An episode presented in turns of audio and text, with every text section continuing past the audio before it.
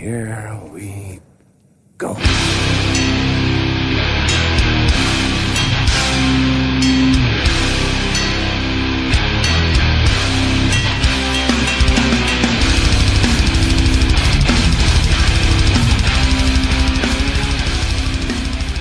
Avsnitt 98 av Nere på Noll Podcast. Jag, Robin, sitter här med David, Tja tja. Danne God kväll. och eh, vi ska inte bli jättelångvariga i den här introdelen. Vi kommer köra en fet jävla Nasum special idag där vi har bjudit in originalgrundaren till bandet Anders Jakobsson som vi ska gå igenom alla plattor, alla eh, spelningar eh, och alla, ja, grindcorens historia. Ja. Rubbet. Eh, Men ska vi lägga lite kontext till, nu är klockan tio över ett? Nej, tio över, tio över tolv. precis. Vi har spelat in intervjun, kollat på en film, nu sitter vi här. Exakt.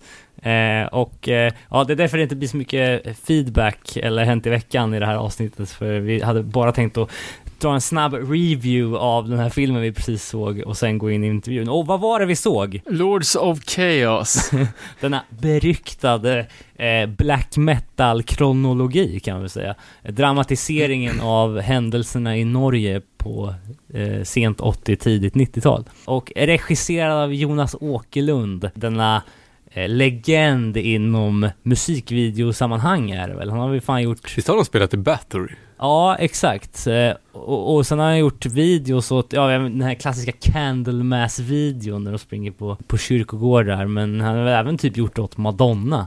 Tror han har gjort allt. Ja, men då den här filmen som man nu har Man, man tänker om någon ska göra en black metal-film, då är det han. Och så såg man trailern och bara, "Uff, det här blir pajigt. Men slutprodukten, över förväntan måste jag säga. Jag tycker också att det var jävligt bra. Alltså inledningen och trailern framförallt var ju hemska. Ja, Det var ju alltså alldeles för glatt och glättigt och det kändes som att det skulle bli någon typ av teen movie. Ja, verkligen. Men första delen av filmen var ju lite så, tyckte jag. Sen blev det ju fan lite mer Ja. seriöst på något sätt. Eller? verkligen, väldigt mycket så här snabba klippningar i början och också en så här stagead spelning som väl var rätt kul för den blandade ju riktig, riktiga klipp på Dead i Mayhem, liksom, första sångaren. Eh, med liksom stagead spelning och grishuvudet åker ut i publiken. Det var väldigt over the top liksom. Men sen gick ju filmen, alltså det var ju becksvart därifrån när den delen var klar liksom. Väldigt mycket väldigt realistiskt våld ska jag säga. Ja. Det var ri- riktigt obehagligt på sina, sina tillfällen. Ja, det var det faktiskt. Det var som man fick kolla bort alltså. Jag kollar bort hela tiden. Ja, ja men alltså och ljudeffekterna fy också så här. Vidrigt. Så att, eh, men alltså jag var fan, jag var jag är riktigt överraskad, positivt överraskad alltså. För jag tyckte det var liksom, det var välspelat, det var några pajiga gök, eller liksom intima scener, men i övrigt alltså, fan, jag var eh, sjukt förvånad och positivt överraskad alltså. Både och skulle jag säga.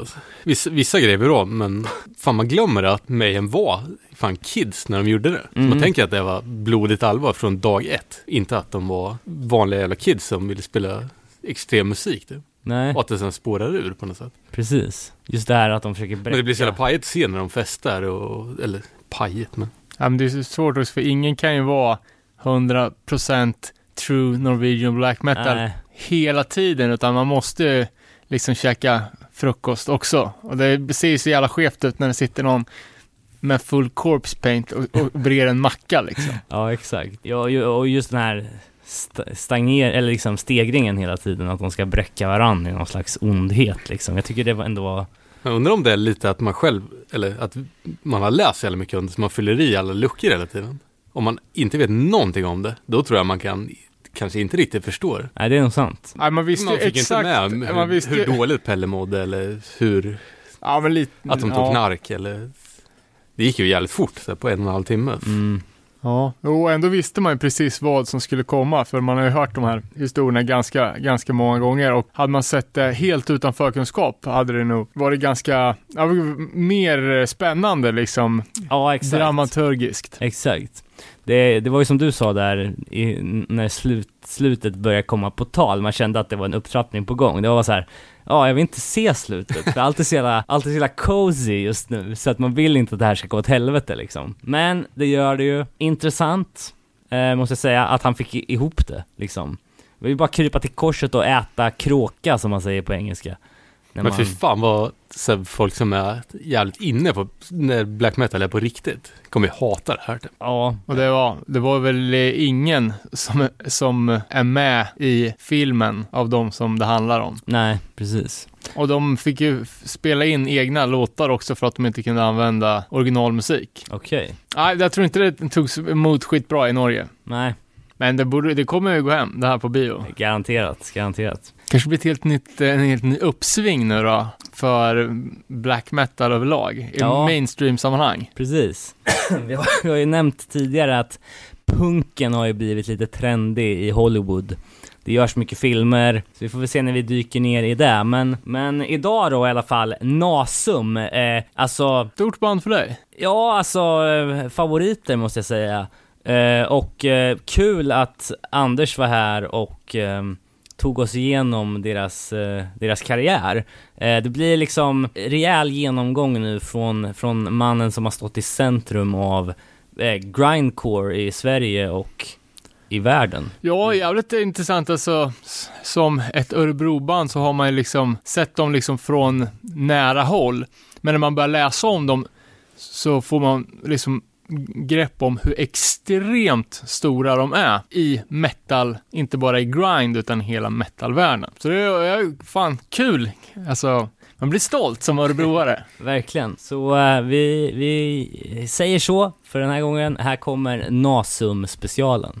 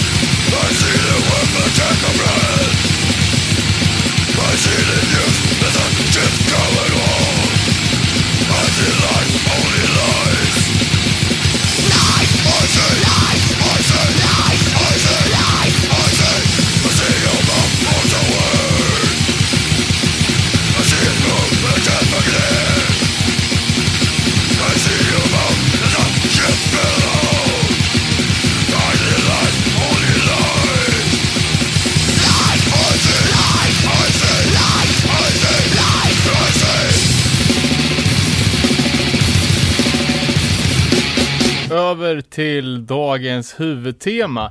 Och ett ämne som jag i alla fall känner att jag har jävligt risig koll på.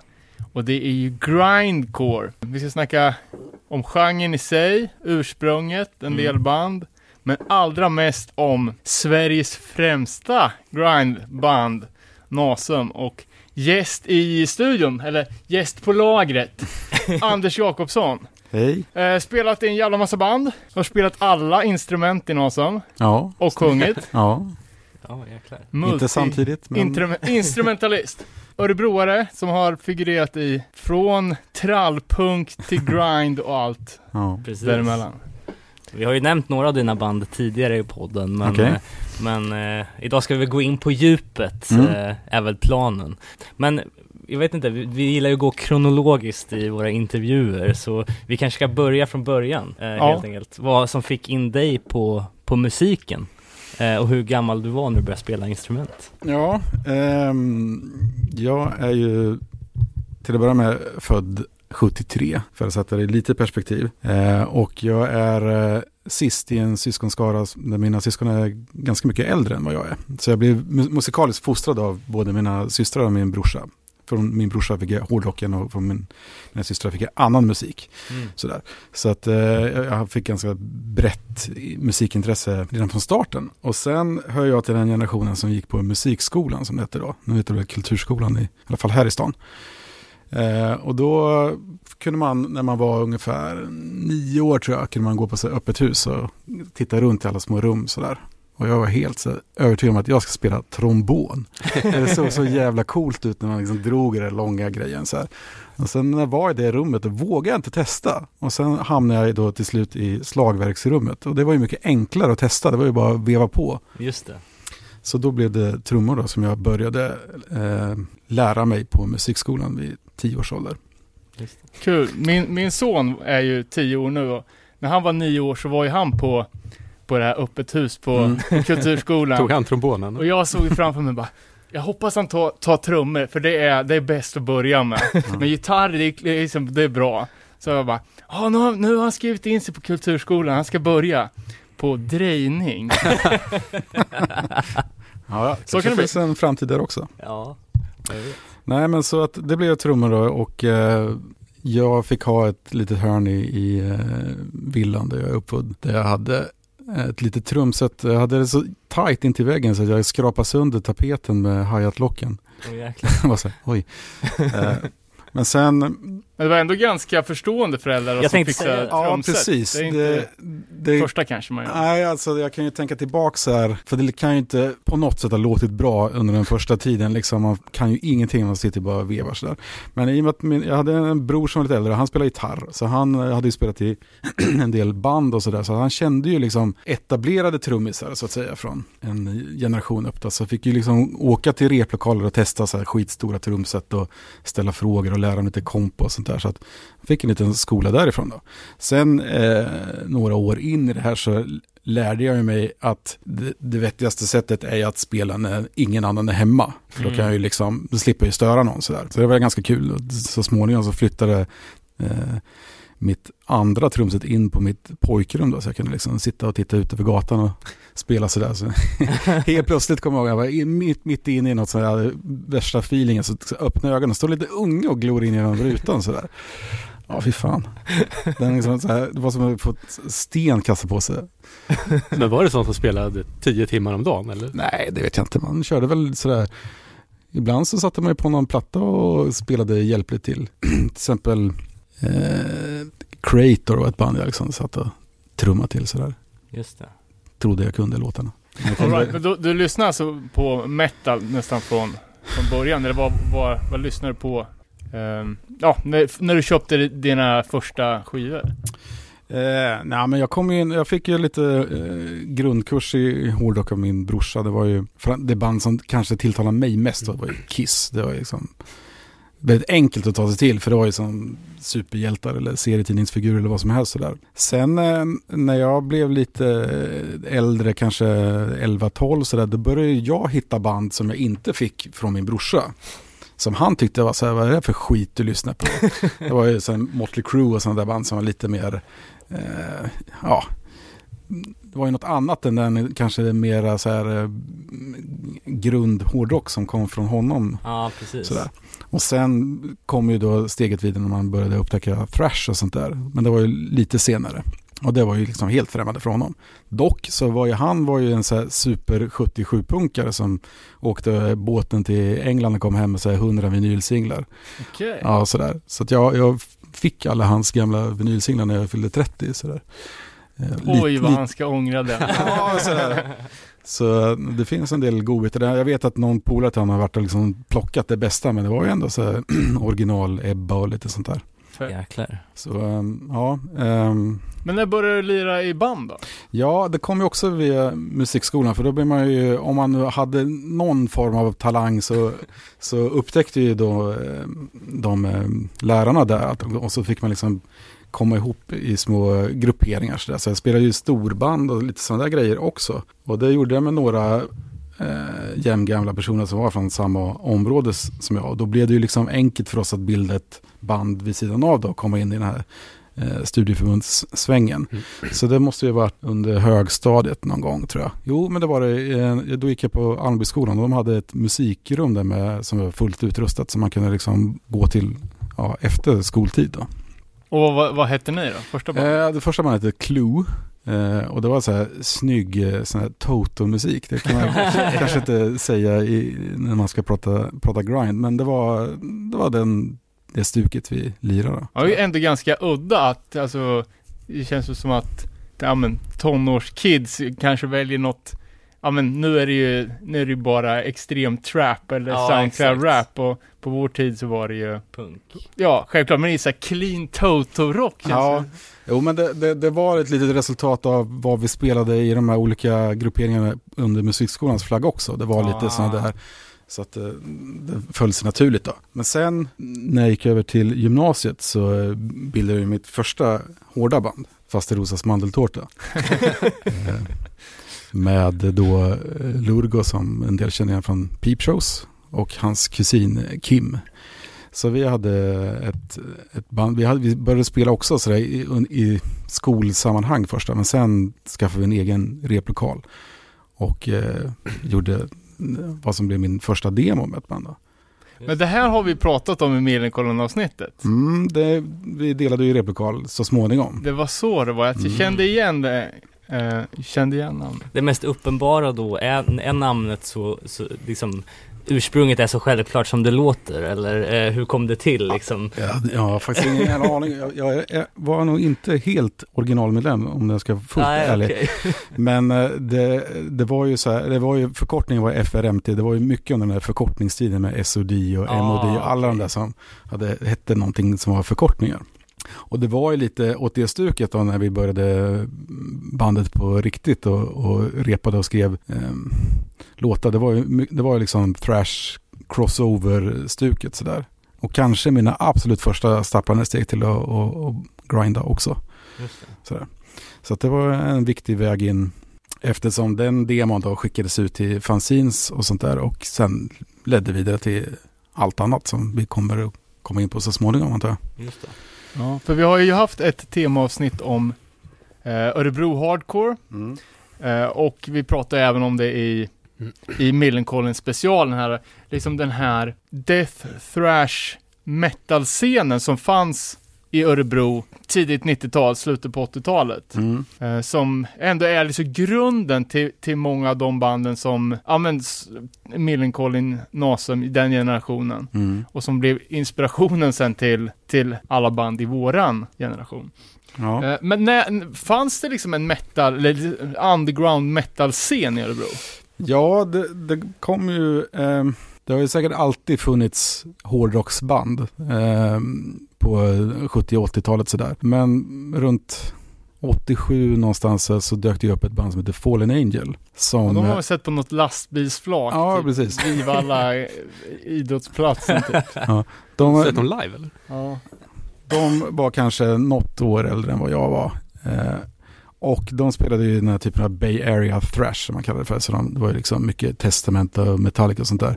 Men grejen var att de var så jävla bra på det så att för mig och alla andra i min generation som såg dem på scenen, de var ju liksom likvärdiga med de stora Ja, banden. ja. För de, de eh, var ju till och med så skickliga att de liksom körde Master of Puppets live och några Slayer-låtar och sånt där. Jäklar. Och plus att de gjorde bra eget originalmaterial också och gjorde demos och grejer som, som man eh, lyssnade aset på.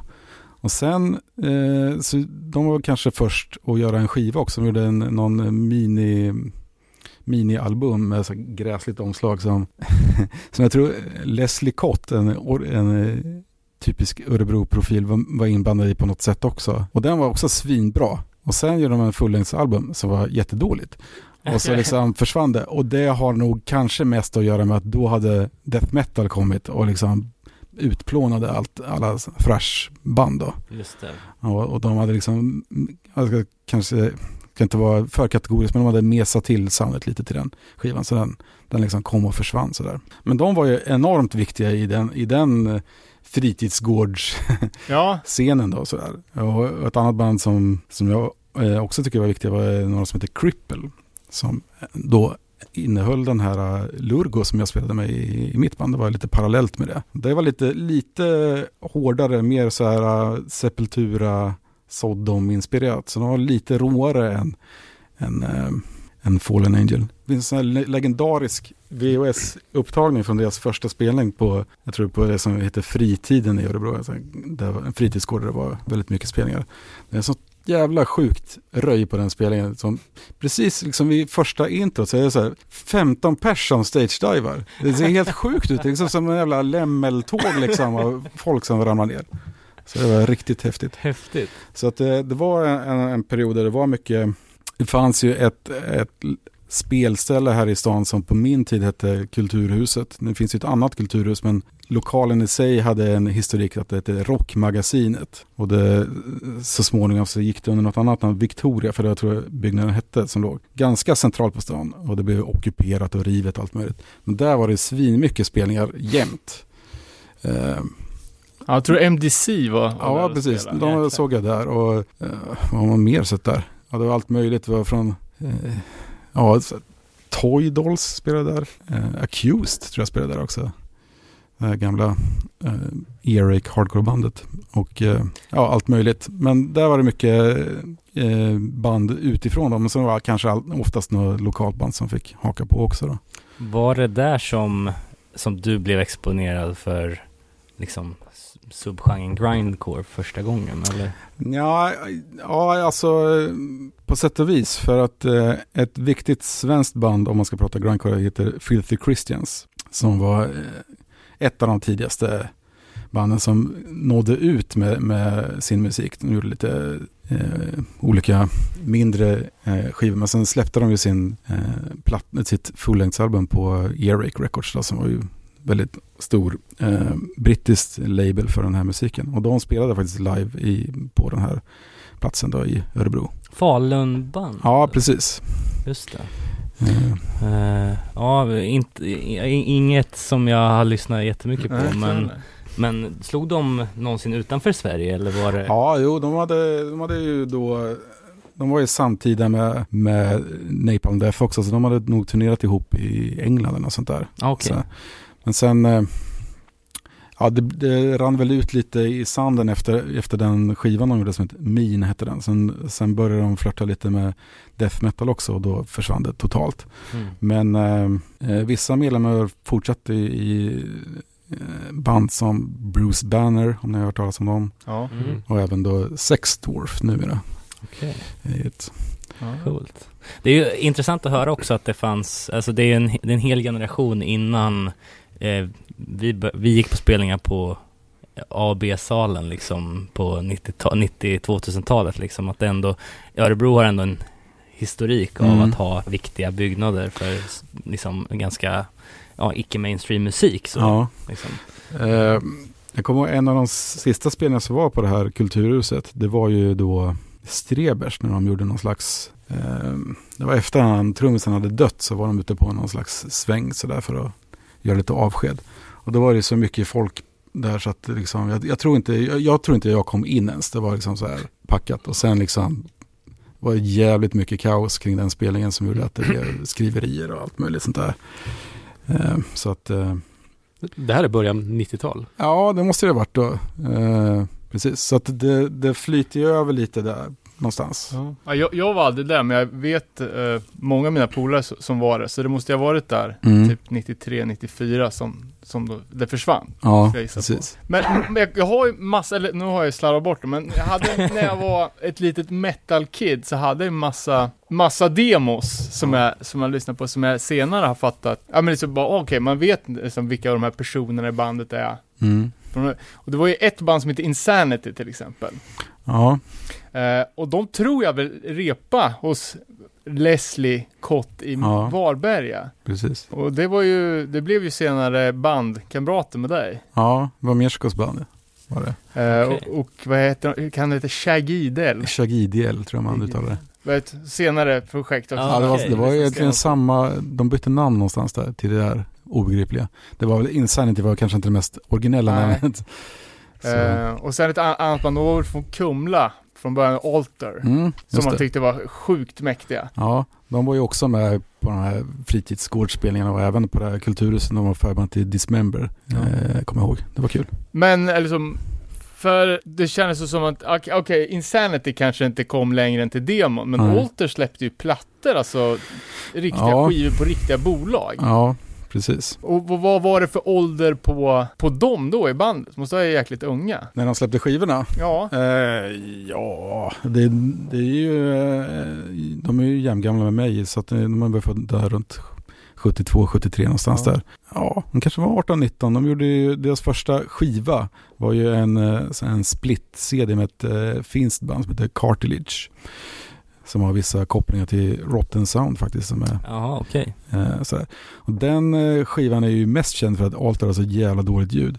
Det är så här, det, går- det, jag kommer ihåg så här, det finns ju någon, eh, någon Slayer-låt som börjar lite, som lite, så här, lite dovt ljud så här, och sen kommer liksom själva låten igång. Och det var många trodde så att de hade gjort den grejen på den här skivan. Så här, men det kom liksom aldrig igång. Så att det, det är ju eh, en, eh, en av Dan Svanes sämre produktioner.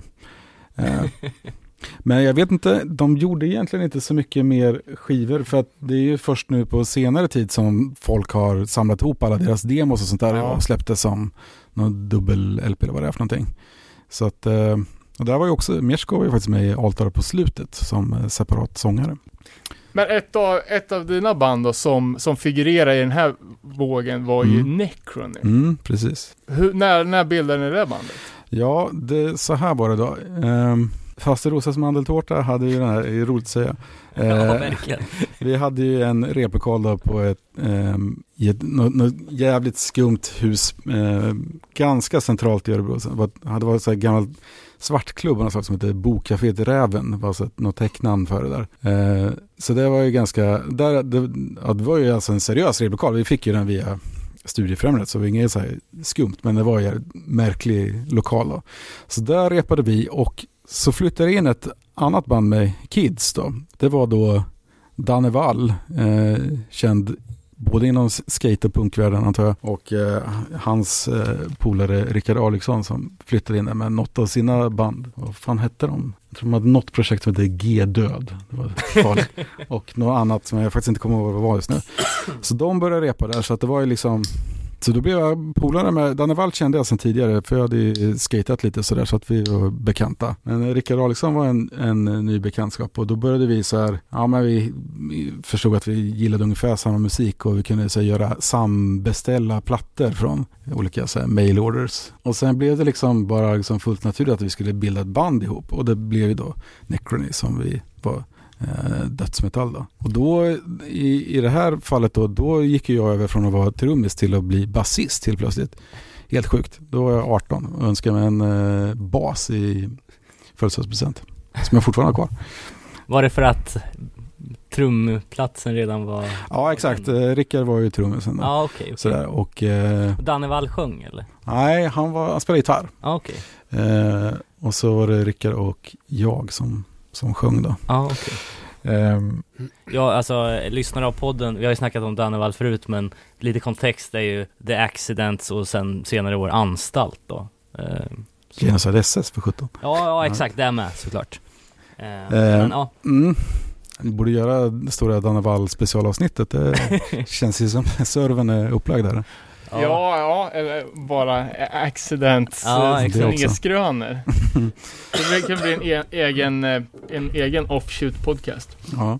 Nej men så, så då började vi ju spela dödsdag och jag hade ju vid den tiden, jag höll på med fanzines då, så jag hade ju bildat mig ett litet nätverk då, så jag hade ju lärt känna Dan Svane från, han var ju spelade i ett band som heter Edge of Sanity då, så att jag hade lärt känna honom och då, han hade ju en studio i Finspång då, så, så då skrapade vi ihop lite eller vi helt enkelt vi bad studieförbundet om bidrag till att åka till Finspång och spela in.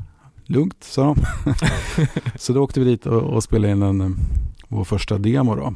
Dan Svane och Edge of Sanity, de hade blivit lite etablerade så han har ju varit ute och rört sig i Tyskland och sånt där och stött på någon person där som ville starta ett skivbolag och som så var intresserad av några nya råa band och då tipsade Dan om, om vårt band för han hade precis spelat in demon. Och så skickade vi dit den där och så fick vi skivkontrakt på en gång. oh, jäklar. Det Det var så var det på funkar. Posers låten. Ja, precis. Bra namn. Ja, det är bra namn. Så att eh, då följde vi upp den här demon med, med en eh, vinylsingel då med, med två låtar och sen fortsatte det med ytterligare två releaser på Posters låtar, en fullängdsalbum och ett, ett minialbum med massa covers som vi spelade in. Och parallellt då under den perioden så startade det då Nasum med nästan samma medlemmar. Och så, som var ett rent sidoprojekt. Ja. var det, ni kände- ni kände att ni hade mer variation så att ni inte kunde lira det under Necrony-flaggen eller? Ja, men så, så här var det. Ehm, Efter vi hade gjort den där singeln så försvann eh, Danne Wall från bandet. Så det var det bara jag och Rickard som, som höll på att repa.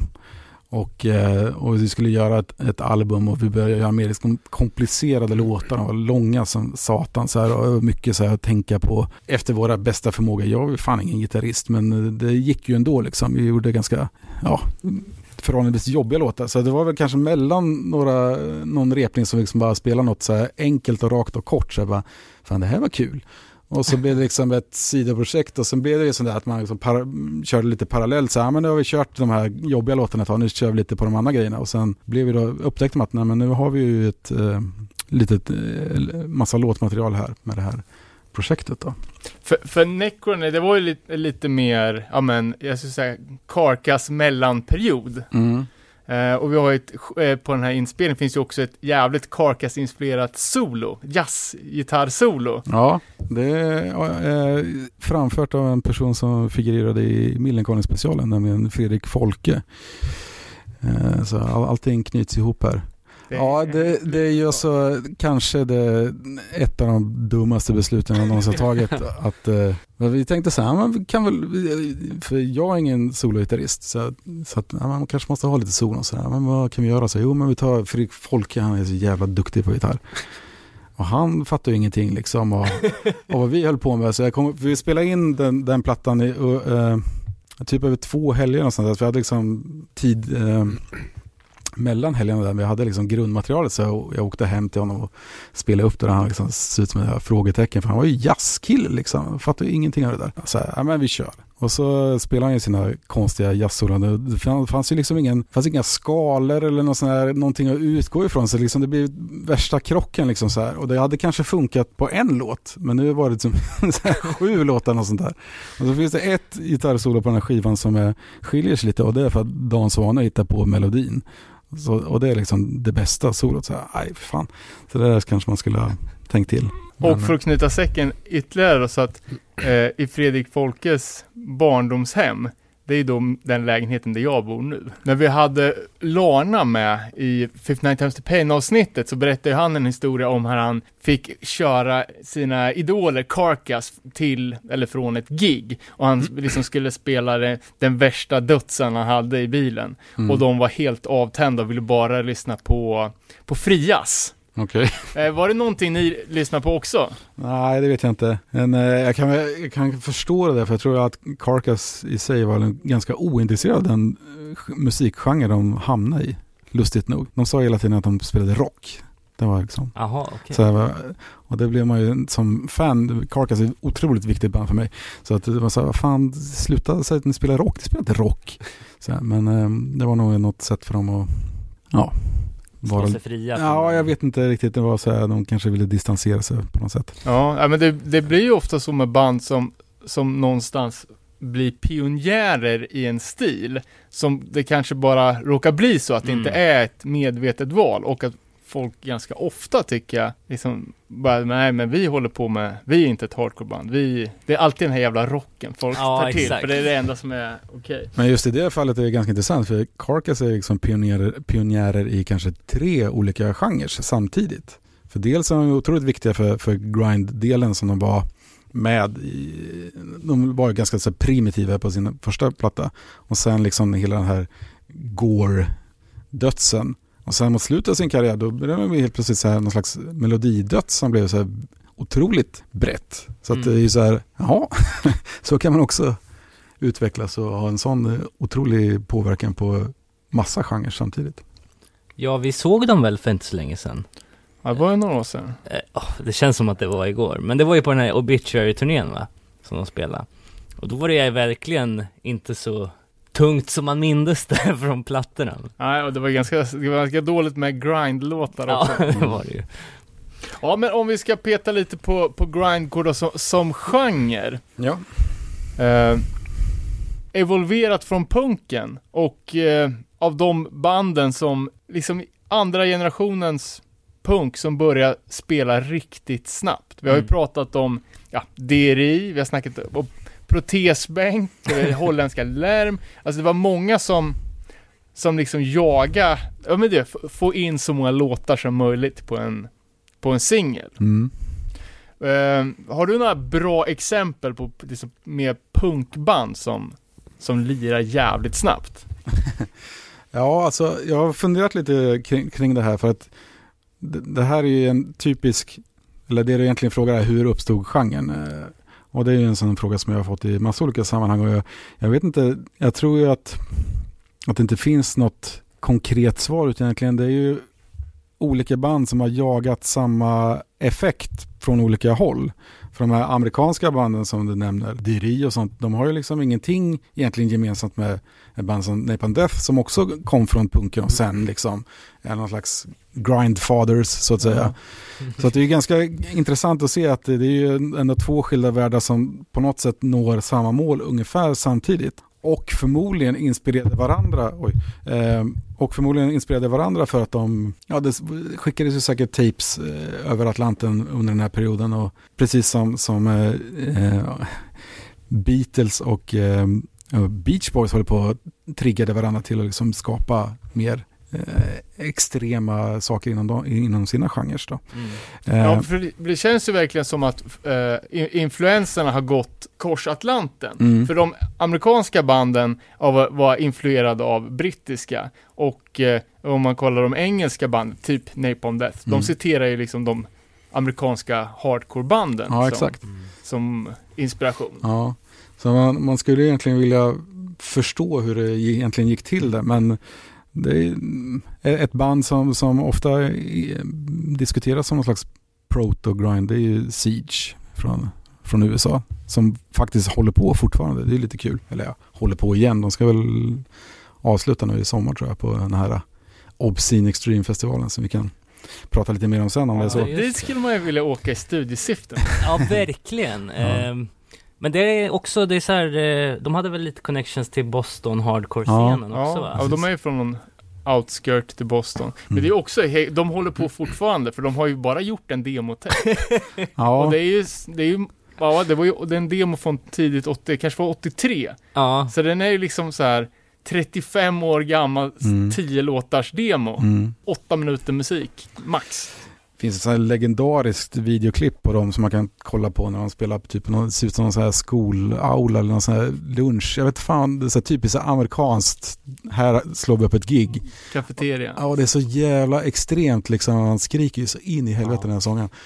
Det är nästan så, så att det är lite jobbigt att lyssna på. Men det är, man kan ju fatta liksom vilken effekt de hade på, på uh, genren då. Eller Ja. på eh, musikvärlden. För ma- man ska ta det här i hardcore-kontext, liksom Boston här tidigt 80-tal, det var ju, de, de tog inspirationen från, från DC, fast gjorde det hårdare och råare. Alltså SSD eh, och de banden var ju stenhårda. mm. Men alltså, Siege, de är ju ännu hårdare. ja. Det är ju så jävla, den här rabiata sången liksom. Mm. Det är ju nästan, alltså det är ju verkligen rå punk. Mm. Och ni som har sett Negative Approach live på senare år, ni har ju liksom, det är ungefär där vi ligger i sångregistret liksom. Det är, ja det är sjukt, sjukt rått alltså. Mm. Sen är det ett annat band som är spännande också i historiskt sett. Det är ju Deep Wound. Som också var så här sjukt snabba. Fast kanske inte speciellt råa egentligen. Utan, eh, och det är ju då folk som numera är i Dinosaur Junior. Um, Okej. Oh, med fan. Jay Maskis är det som trummar då, som, eh, ja, som är någon slags direkt koppling till, Och han Lou Barlow, eller hur? ja precis. Kul där att Siege och Deep Wound är från samma, samma område. Ja, då, då börjar man ju liksom se någon slags mönster också Ja. kanske. Liksom att, eh, Ska vi, ska vi väva ihop det här också då med att eh, Siege-demon är då inspirerad av Lou Giordano som Jaha. spelar in Millencolin i, i Soundlab som är då, fan. ja, Soundlab som var startat av Mierzko. Just det. Eh, och ja, Lou då som har varit i Örebro och spelat in. Shit, det, jag ser framför mig att vi behöver göra något stort jävla family tree här liksom. Ja, Det skulle... Men sen, sen kan man ju också väva in att även metalbanden vid den här tiden höll ju också på att liksom jaga tempot på, på sin musik. Så att det kom ju någonstans därifrån kom det ju en våg också då. Med de, de mest extrema vid den perioden där. Och då är det inte så konstigt att, att grindcore har blivit en del av, eh, alltså tempot och, och stilen har blivit en del av eh, dödsmetallens utveckling också. Nice. Sådär. Men vilka skulle du säga är grindens karaktäristika? Alltså vilka element måste ingå för att det ska bli, för att det ska bli grind? Ja, till att börja med är det ju det så kallade blastbeatet, om man ska trumkompet då, att det går. Eh, det, om man ska prata musiktermer så är det egentligen som ett marschtakt, så här, fast det går fort då. Eh, till skillnad från tvåtakt och fyrtakt och sådana som är lite mer, inte går riktigt lika snabbt, även om det finns band som kan spela sånt jävligt fort också. Mm. Så det är ju en, en förutsättning, det är ju liksom, det är ju grunden, så här, finns inte det då är det ju inte grindcore. Det är, så, så enkelt är det ju. Men sen kan man ju säga så här, ja men det trumkompet finns ju, det är ju till exempel grunden i black metal också. Ja visst, så att det, det är en sak. Men eh, ja, för min del, jag föredrar ju att grindcore har en politisk agenda på något sätt. Att det, det är det som är Ja, text, textuellt, eh, textmässigt att det ligger där. Det är ju någonting som jag kanske har fått försvara ganska mycket under åren. Vilket kan, komma till senare också. men korta låtar då? Kan man, kan man göra en fyra minuters grindlåt? Eller blir det något Eh, annat då? Ja, det är väl, Orkar man ens det? det blir nog jävligt tråkigt på något sätt. För att jag vet inte, för mig mycket av poängen är ju liksom att snabbt komma till to the point liksom. Mm. Men, men man kan ju hålla på med massa sega intron och sånt där för att förlänga låtlängden sådär. Men alltså fyra minuter råmangel, det orkar man ju inte lyssna på. Och det är ju kanske skillnaden mot black metal, det kan vara exakt just det. Eh, high pitch, low pitch då? Mörka och ljusa skrik, det känns som en riktig Ja, grindcore-grej. det är det väl det här med eh, antingen om det är en person som gör det eller om det är någon slags eh, två, två sångare upplägg då. Har vi, så har vi haft det i, i Nasen till exempel. I och med att jag och Merska delade på sången under en lång period. Men innan det hände så hade vi bara en sångare eh, i den tidigare nämnda Rickard Oliksson. Och han klarade ju av båda stilarna. Så det, så att, eh, men det är ju på något, sätt att göra liksom, skapa dynamik på något sätt även i, i sången då. Satt och eh, kollade bara det här, apropå spela snabbt, liksom vad som var det, ja, världens snabbaste låt. eh, och då var det också hardcore-koppling och det är ju våran eh, favoritvegan, Moby, Mhm. från verken Commandos, hade ju gjort en låt som het- heter Thousands, som gick i 1000 BPM. Det var sjukt obehagligt att lyssna på. Alltså, Går det ens? Men Fast det var ju elektroniskt. Ah, Eh, okej. Intressant att se vem som kan göra det snabbast spelandes. ja, precis. Ja, det finns ju några japaner givetvis. Vi glömde egentligen att prata om Japan i den här eh, maktkampen mellan USA och eh, England. Det kom ju massa mangel därifrån också som också påverkade. Men det finns ju några band, jag tror de heter Viseria Infest eller något sånt där.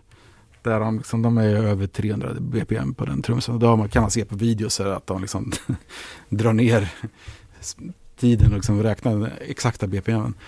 Och det är ju roligt men det är inte så bra liksom. Eh, Det för mig, det är också just det, en karaktäristika. Det är ju liksom samspelet, att det liksom finns någon slags momentum i vad som händer av de olika beståndsdelarna, de olika instrumenten och sådär. Mm. Om, om en del i bandet är jättemycket snabbare än det andra, då blir det liksom inte samma sak. Det står liksom och trampar lite på samma ställe. Så, Ja. Det känns som en genre man måste vara ganska duktig för att spela. ja, eller så kan man vara jätte, ja, man kan vara jättedålig också och då blir det liksom lite så här noise eh, stuket istället. och så här. Men eh, Men vi, vi nämnde black metal, jag funderar på det liksom, hade ni liksom, eh, var ni på jakt efter det liksom det hårdaste, det roaste som kids, när, när ni kom, hittade nya band liksom, bara åh, nu ska du höra de här, de här är ännu hårdare liksom. För så var det för mig och mina kompisar i alla fall. Ja. Jo, men det, det, det ligger någonting i det. För min del, jag kommer ju från ganska så här grund hårdrock till att börja med började börjar man höra så här rykten så bara, ja fan, det finns en låt som heter Fast as a Shark med Accept. Den går så sjukt snabbt. Ja, vad är det för något? Så här, och så börjar man lyssna på den och den har ni ju säkert hört. Men börjar med någon slags mystisk folkmusik-sampling och sen liksom brakar det på som fan. Och det kommer jag ihåg när man hörde den första gången, det var ju som att liksom bli bortblåst där. Idag är den inte speciellt snabb liksom. Men det var, effekten var liksom att jävla, vad är det som händer? Hörde jag den här låten Silent Scream eh, med, Slayer från eh, andra spåret på South of Heaven-skivan. Och det var också där, samma effekt, att man bara blåstes bakåt. Sådär att, fan, det går ju inte att spela snabbare än så här. Och sen var det ju någon som sa så här, har du hört talas om Napalm Death? Ja, Vadå? Så här, och så började man lyssna på det och bara, jaha, det fanns liksom ett, en, en växel till sådär. Och eh, ja, så det är klart att man liksom letade efter det som var råare och tuffare hela tiden på något sätt. Ja, för att jag tänkte väl liksom, ja, som från hårdrock till thrash metal till döds. Eh, var, var ni, liksom när black metal kom väl typ i de här åren också. Mm. Var det någonting som folk började lyssna på här i Örebro, Närke-scenen? Eh, ja, jo, det fanns väl vissa som, som lyssnade på det. Det var väl kanske inte direkt några så här spelningar eller inte, det fanns ju inget direkt black metal-band sådär, alltså lokalt. Men eh, det är klart att det påverkade också. Eh, folk- jag var aldrig speciellt road av det. Eh, det, var liksom, det var för konstigt för, för min smak då sådär. Ehm. Mm. Det, och det är väl också, det är tydligt om man går tillbaka och kollar i historien i Norden i alla fall, över så här sent 80, tidigt 90 och mitten och sådär.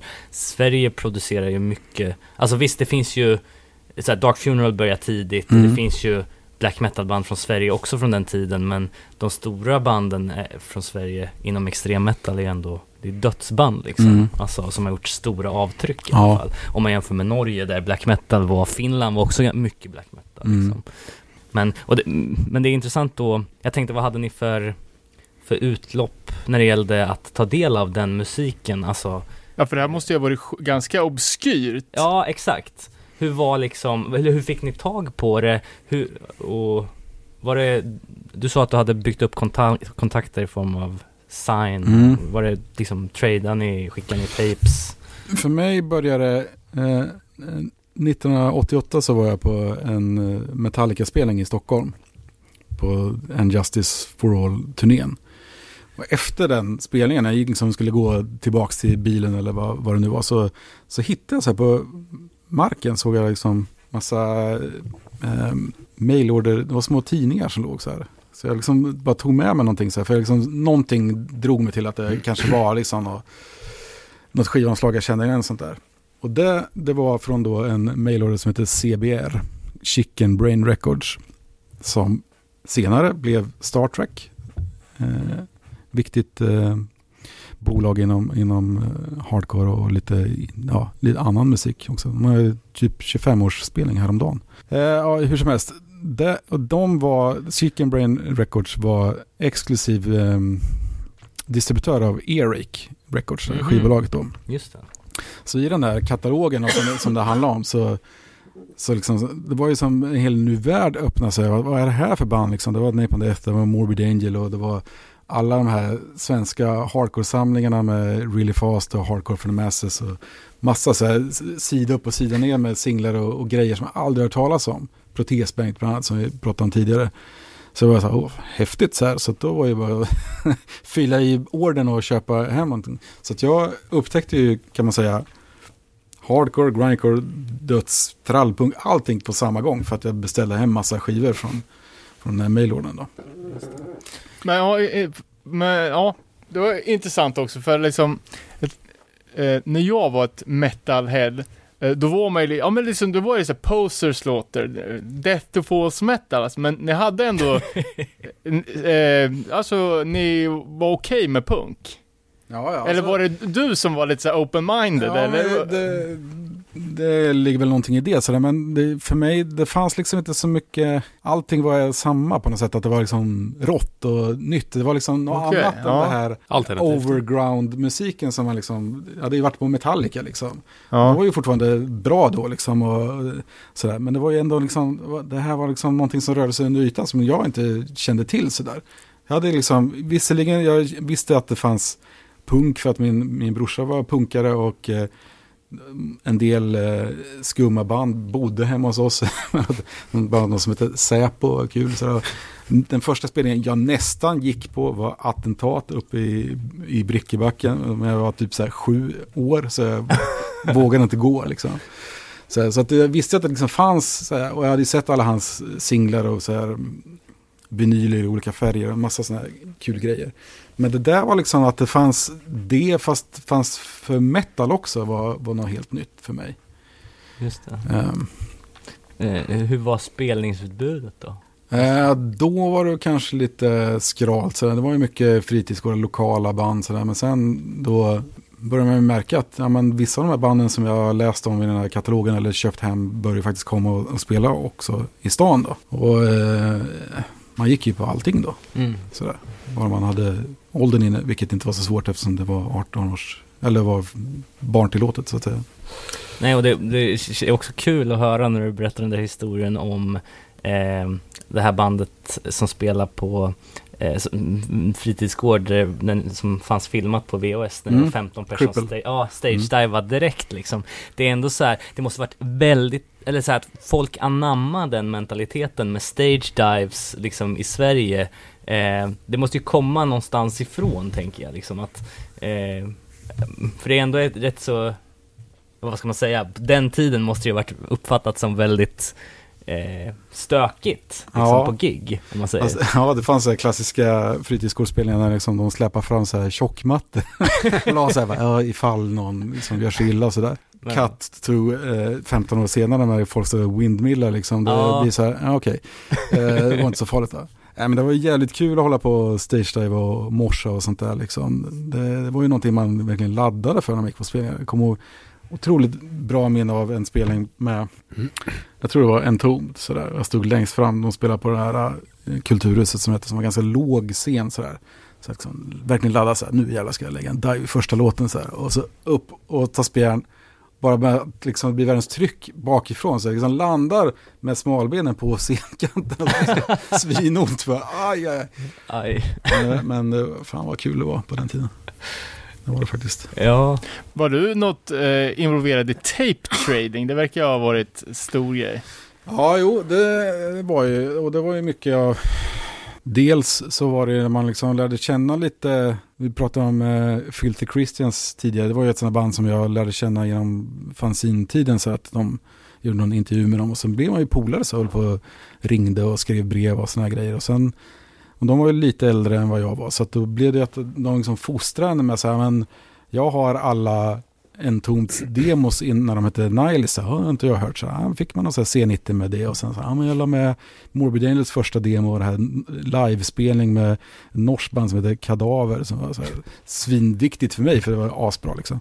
Så det blev alltid så att man fick med någonting sådär. Sen, eh, ja, det, det var en del sådär. Sen, jag var kanske inte någon av de här mm, värsta traderna som liksom satte det i system. Det låter det som det var något negativt, men det var, vissa människor var liksom kända för att de var så här bra traders. mm. Så även, även i Sverige då. Så här. Men det, det var så det funkar liksom. Ja. ja, men det är fantastiskt, liksom så analog fildelning. ja liksom. exakt. Att man, så här, det här är, det här är de, de lokala demosarna eller det, det bästa i mitt, min region. Och så postar man det vidare. Så. här. Borde komma tillbaka, det är Ja. så jävla fett. En intressant bieffekt av det, det var ju liksom att det blev ju liksom, helt plötsligt så satt man ju med någon så här fjärde, femte hands kopia av någonting, så liksom ljudbilden förändrades ju. Så att det, det gav någon speciell känsla man hörde liksom, det var ganska så här murrigt och dovt och konstigt, så här, för, vilket även då bidrog till att det kändes som att fan det här var riktigt jävla underground och obskyrt. Fast det inte var, också var clean produktion från, från Ja, början. Sen vart det För jag, jag kommer ihåg att... eh, nekroproduktion. Dark Throne-klass. För vid något tillfälle så fick jag så här, typ så här förhands... Eh, någon så här förhandstejp från någon som hade fått det från någon och en massa steg med nya Carcass-låtar som skulle släppas. Någon, Och för vilken platta var det? Ja, men det var för eh, Necroticism. Ja. Innan de hade lagt på massa så här samplingar och grejer. Och det var så här superdovt ljud. Man bara, ah, det här var ju hur bra som helst liksom. Sen lät det på ett annat sätt när skivan kom. Sen, men det spelar ju inte så stor roll. Men eh, det var ju mycket sånt där. Vi, eh, vi börjar ju gräva lite i Nasum och dess Ja. grundande eh, i och med att det var ett sidoprojekt och så. Ja, Eh, men eh, eh, vi, vi pratar ju också om eh, grindens eh, pelare liksom Mm. för, eh, och vi nämnde det här med att det ska vara politiskt. mm. Var, var det en uttalad idé också med Nasum från början att det skulle vara politiskt eller var det något som växte fram? Ja, nej, det, det var väl. det här är lite intressant för att den här replokalen som vi kan återkomma till, det hade ju flyttat in ett nytt band vid den här tidpunkten som hette Charles Hårfager som jag så småningom blev, även blev medlem i. Så deras texter låg liksom lite spridda så, så att när vi hade gjort några låtar så här, vad fan ska vi, eh, vad ska vi ha för text? Så, här, ah, tog, tog vi Charles Hårfager text och översatte till engelska. Så det är liksom på första, första Nasum-singeln så är det liksom några texter som är krediterade till Erik Olsson. För att det var liksom, Okej, fan vad kul. det, eh, från eh, bland annat en låt som heter Think, som har en låt som heter Tänk och Blind World, eh, Blind Värld och någon till kanske. Även någon låt där liksom så här spridda fraser från eh, någon eh, Discharge-skiva liksom. Så, så att skrev han, det, det är Carl som har skrivit den texten. Som han, sångaren heter. då. Ingen aning om han skrev texterna men det så. Så att det blev liksom så här, men det, det skulle vara mm, vi var ju så här superinfluerade av Napalm Death. Det, var, det fanns ju liksom inga egentliga ambitioner med bandet när man startade, men det var ändå liksom, det, jag tror det var nästan lite så här slumpmässigt när vi började liksom snegla på de där Charles Hårfager-texterna och liksom översatte dem så här, fan det här låter ju punkigt och coolt.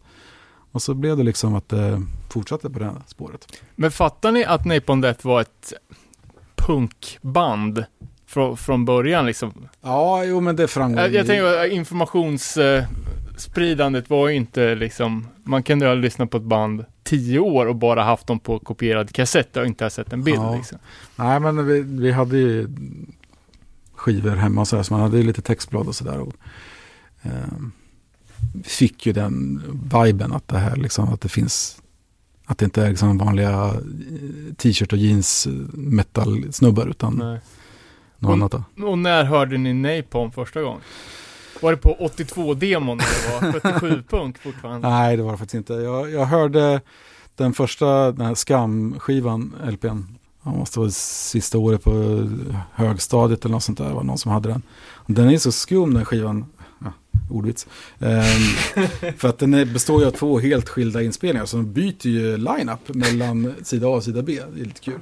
Plus att de skiljer sig lite liksom, hur de, hur de soundet på dem. Så, där. så att jag minns att man lyssnar på sida A. Så här, fan, det här var inte så bra liksom.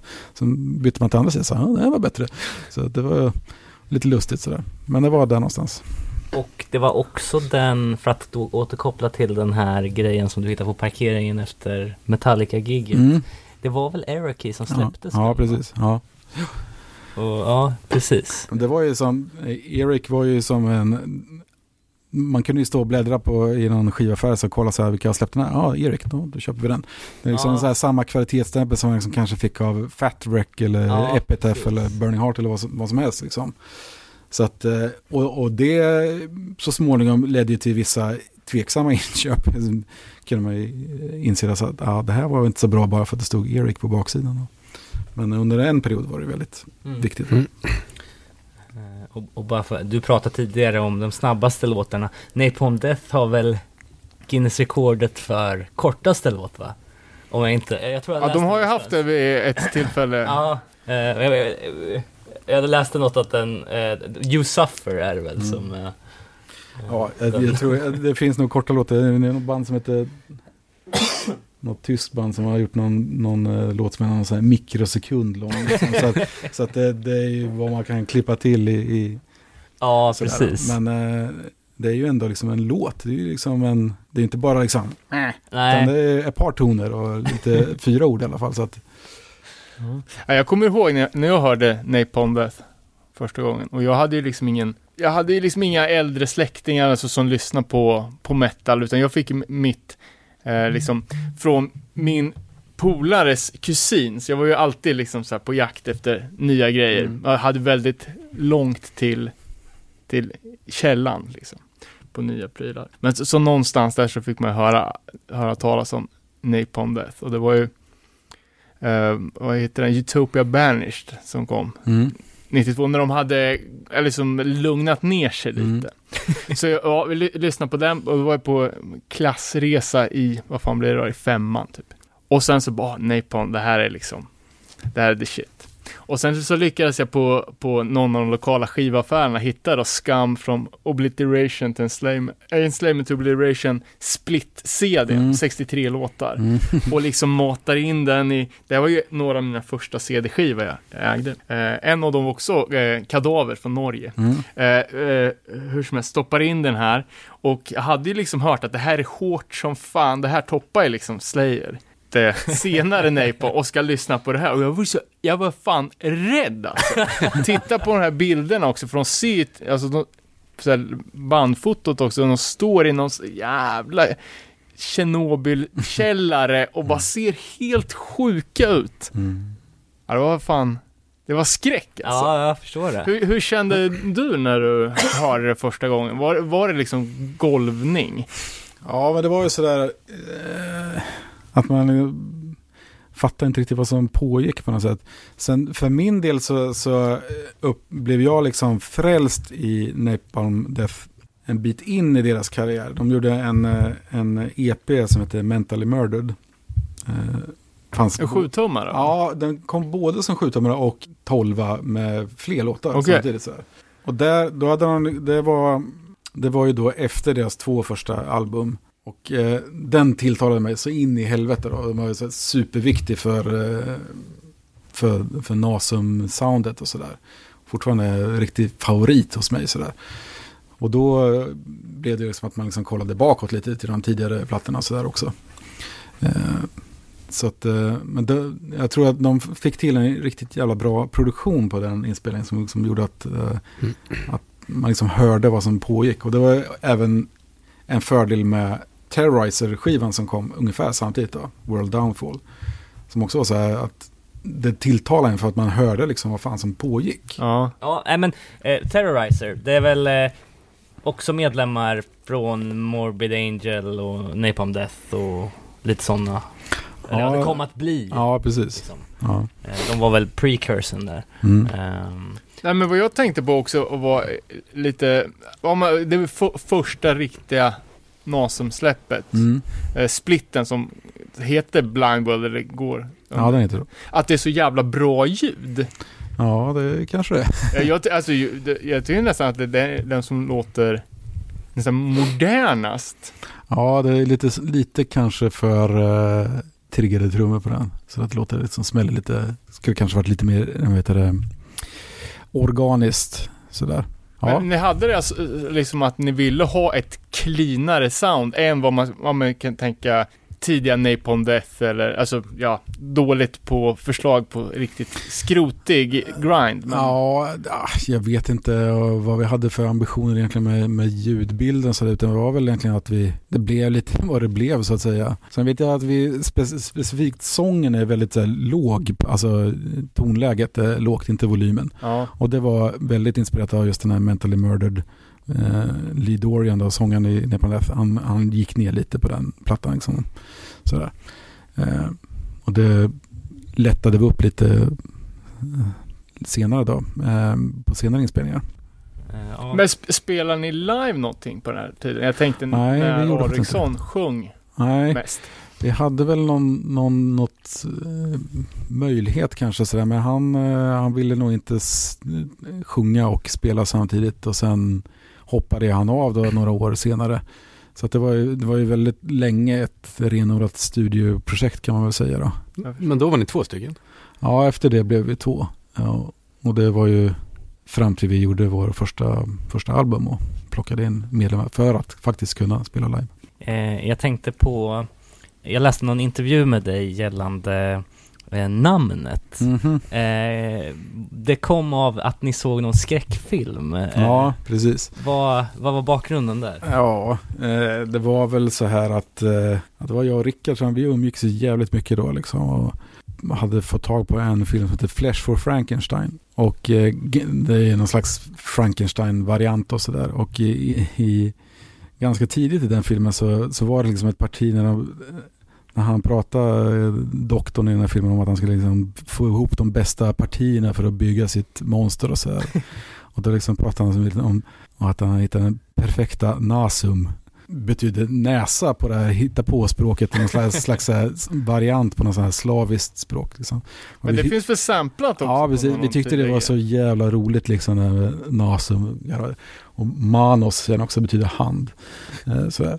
Så det var ju liksom ett ord som vi liksom bollade fram och mellan oss. Här. Och sen när vi liksom hade det här bandet eller projektet, så här, vad ska det heta? Bara, det får väl heta Nasum. Många tror att det är för att det ska liksom ligga nära Napalm Death i skidbacken. Ja, det har jag också hört. Så Ja. det är en sån här skön... Det låter bättre än en verklig förklaring. Så väldigt länge så sa jag ju inte vad det betydde liksom. Utan, sådär. Men eh, just det partiet ur den här filmen är ju då först och sist på, på Blind World-skivan. För det är ju annars ganska genialt att ta namnet som ligger bredvid, Ja, är liksom det största i, i genren. ja. I, för vad var Ja. i postorderkatalog. Ja, men här var ett till grindband, det tar vi den med. Eh, sen spelades det in en, eh, en demo eh, som, som kom senare va? Som är inspelad i en studio. I en studio. Står det. Ja, på Discogs så står det Jaha. bara där, inga Ja. mer detaljer. Eh, Ja, men så här om man ska ta lite fylla i det. Vi, efter den eh, första inspelningen som blev Blind World-splitten med det le- legendariska bandet Agatokles som har gjort typ så här 600 split-skivor eller här, helt sjukt mycket. Eh, som jag för övrigt såg i somras, som var svinbra fortfarande. Eh, de är inte så bra på den splitten, det är en riktigt dålig sida. Men, ja, parentes. Men efter vi gjorde den så spelade vi in, det fanns ju då eh, under en period en eh, samlings eh, med skivor som heter Really Fast. Som typ väldigt många band var med i och eh, vi kunde vara med på den. Och då, då var grejen var att man hade tre och en halv minut på sig på skivan. Till hur många låtar man nu ville ha. Så Förmodligen en. ja, så eller två kanske. Och eh, jag funderade också, ja, men undrar vilka som har rekordet. Så, ja, men det var ett band som heter RTS från som eh, var från Mjölby då, som hade eh, fem låtar tror jag. Så vi sa, fan vi ska ha sex. Så skrev vi liksom sex korta låtar så här, så tajmade vi dem i replokalen så här, fan nu är ju 30 sekunder över så här, så gjorde vi tre till då, så blev nio låtar på den där. Och det är då, eftersom det var en, en hardcore-samling så blev det mera att vi, det blev en ganska så här punkig hardcore-betonad inspelning. Eller låt, låtmaterialet överlag var det så att Rickard sjöng liksom lite ljusare så det blev liksom mer punkigt sådär. Schysst den inspelningen tycker jag. Så vi gjorde den och sen gjorde vi eh, en inspelning som resulterade i dels en annan split-singel och eh, med ett band som heter Psycho och en eh, samling som eh, Miersko släppte som heter Grindworks. Det var, det var 16 låtar som vi delade på mitten sådär. Sen gjorde vi en demo. Jävligt konstig väg. Men det, det hade att göra med att vi fick möjlighet att åka till Fjugesta, en bit utanför Örebro här, där det fanns en, en studio där folk som gick på en skola här i stan med studieteknikerutbildning hade tillgång till den studion och fick göra inspelningar. Så jag vet inte riktigt vad den hette den studion. Men det var en gammal 70-talsstudio, så jävligt fin. Men problemet var ju att det var liksom studenter som fick rattar och så här. Så vi började liksom lira in där så här och sen efter några låtar så bara okej, när ska det börja spelas? Okej, jo men vi har hållit på ett tag här då. Så då, det är den demon då som vi kallar för domedagen. Och det var lite inspirerad av att ett, eh, ett band som var parallella med oss som heter Regurgitate, ett annat svenskt grindcore-band. De hade också gjort en demo efter de hade gjort massa andra släpp sådär. Så den, ja, så vi gjorde den. Och den Ja, men för det är, det är någon demoinspelning, så jag tror att eh, det börjar spelas in och sen så kom, kommer det av sig. Mm. Och så istället för att göra en omtagning så Mm. går bara bandet. Liksom. Ja, Så jävligt punkigt. Det, är- det är på, faktiskt på titellåten Domedagen. Så man, man hör liksom så att eh, Rickard laddar för att börja med sången så här, så blir det så här. Alltså det blir som en utpustning så här. Ja, ja, exakt. Jag, Ja. jag tänkte att det var en suck av besvikelse. Ja, det var så. Han laddade, nu ska jag lägga sången så här, just det, vi hade inte klippt bort det där liksom. Eh, innehåller Napalm Death och Mob 47 covers. Mm, det. Eh, Kändes det som en bra inf- inspirationsreferens? Ja, absolut. Mob 47 är ett otroligt viktigt band för, eh, ja, för ett svensk crust eller käng till att börja med. Men även för oss då, liksom, för att vi hade ju den delen, eh, inspiration, den inspirationen var ju också väldigt viktig för oss. Så eh, nu kanske inte just den här demoinspelningen, den inte någon favorit för mig då. Och de bästa låtarna tog vi och spelade in på nytt sen på nästa inspelning. Men då var det Alriksson, du och Miersko. Mm. Men sen ville Alexson inte vara med längre. Ja, vi hann ju göra då Industrislaven som blev första CD-släppet då. Som, Ja. Och även det, det sista vi gjorde på Poses Slaughter. Som de, är- Poses Slaughter gav ju ut den här Blind World-splitten också. Och vad Eh, var det för size på Poses låter? Det var Ja. inte Earache. Nej, för sjutton. Det var ganska, det var väldigt underground sådär. Eh, men det var ju, de var väl ändå ganska eh, flitiga på att ge ut grejer. Så det, det fanns ju ändå ett antal släpp då. Var kom det ifrån? Från Tyskland, Berlin. Det var någon eh, radiomänniska som hade lite pengar över att starta skivbolag. Sen fick jag höra långt senare, eh, ganska intressant att den här killen som låg bakom den här fick någon sån här, ja ni vet lite så här crazy frog-hit på med någon jävla Okej. så här skämt, skämtlåt och liksom fick hur mycket stålar som helst för det. Sån där. Så det var lite int- intressant. Spännande. Hur var det efter att ni släppte Domedagen då, rent intressemässigt för bandet? Fick ni erbjudanden eller var ni redan signade när ni gav ut den? Liksom? Ja, signad var vi kanske inte utan det var liksom mer så här, är ni intresserade? Ja visst, ja då gör vi någonting. Ah, okej. Men Men, men här har ni aldrig spelat live, eller nej, precis. Var, det var, tidsmässigt är vi ju då framme vid 95 skulle jag tro. Så det är ju precis innan internet kommer. Mm. Så det, allting var ju jävligt analogt liksom. Det var brev och jag hade, jag hade börjat jobba då så jag hade tillgång till en fax. Så jag höll på att faxa med den här tysken dag ut och dag in. Så här. Det var lite kul.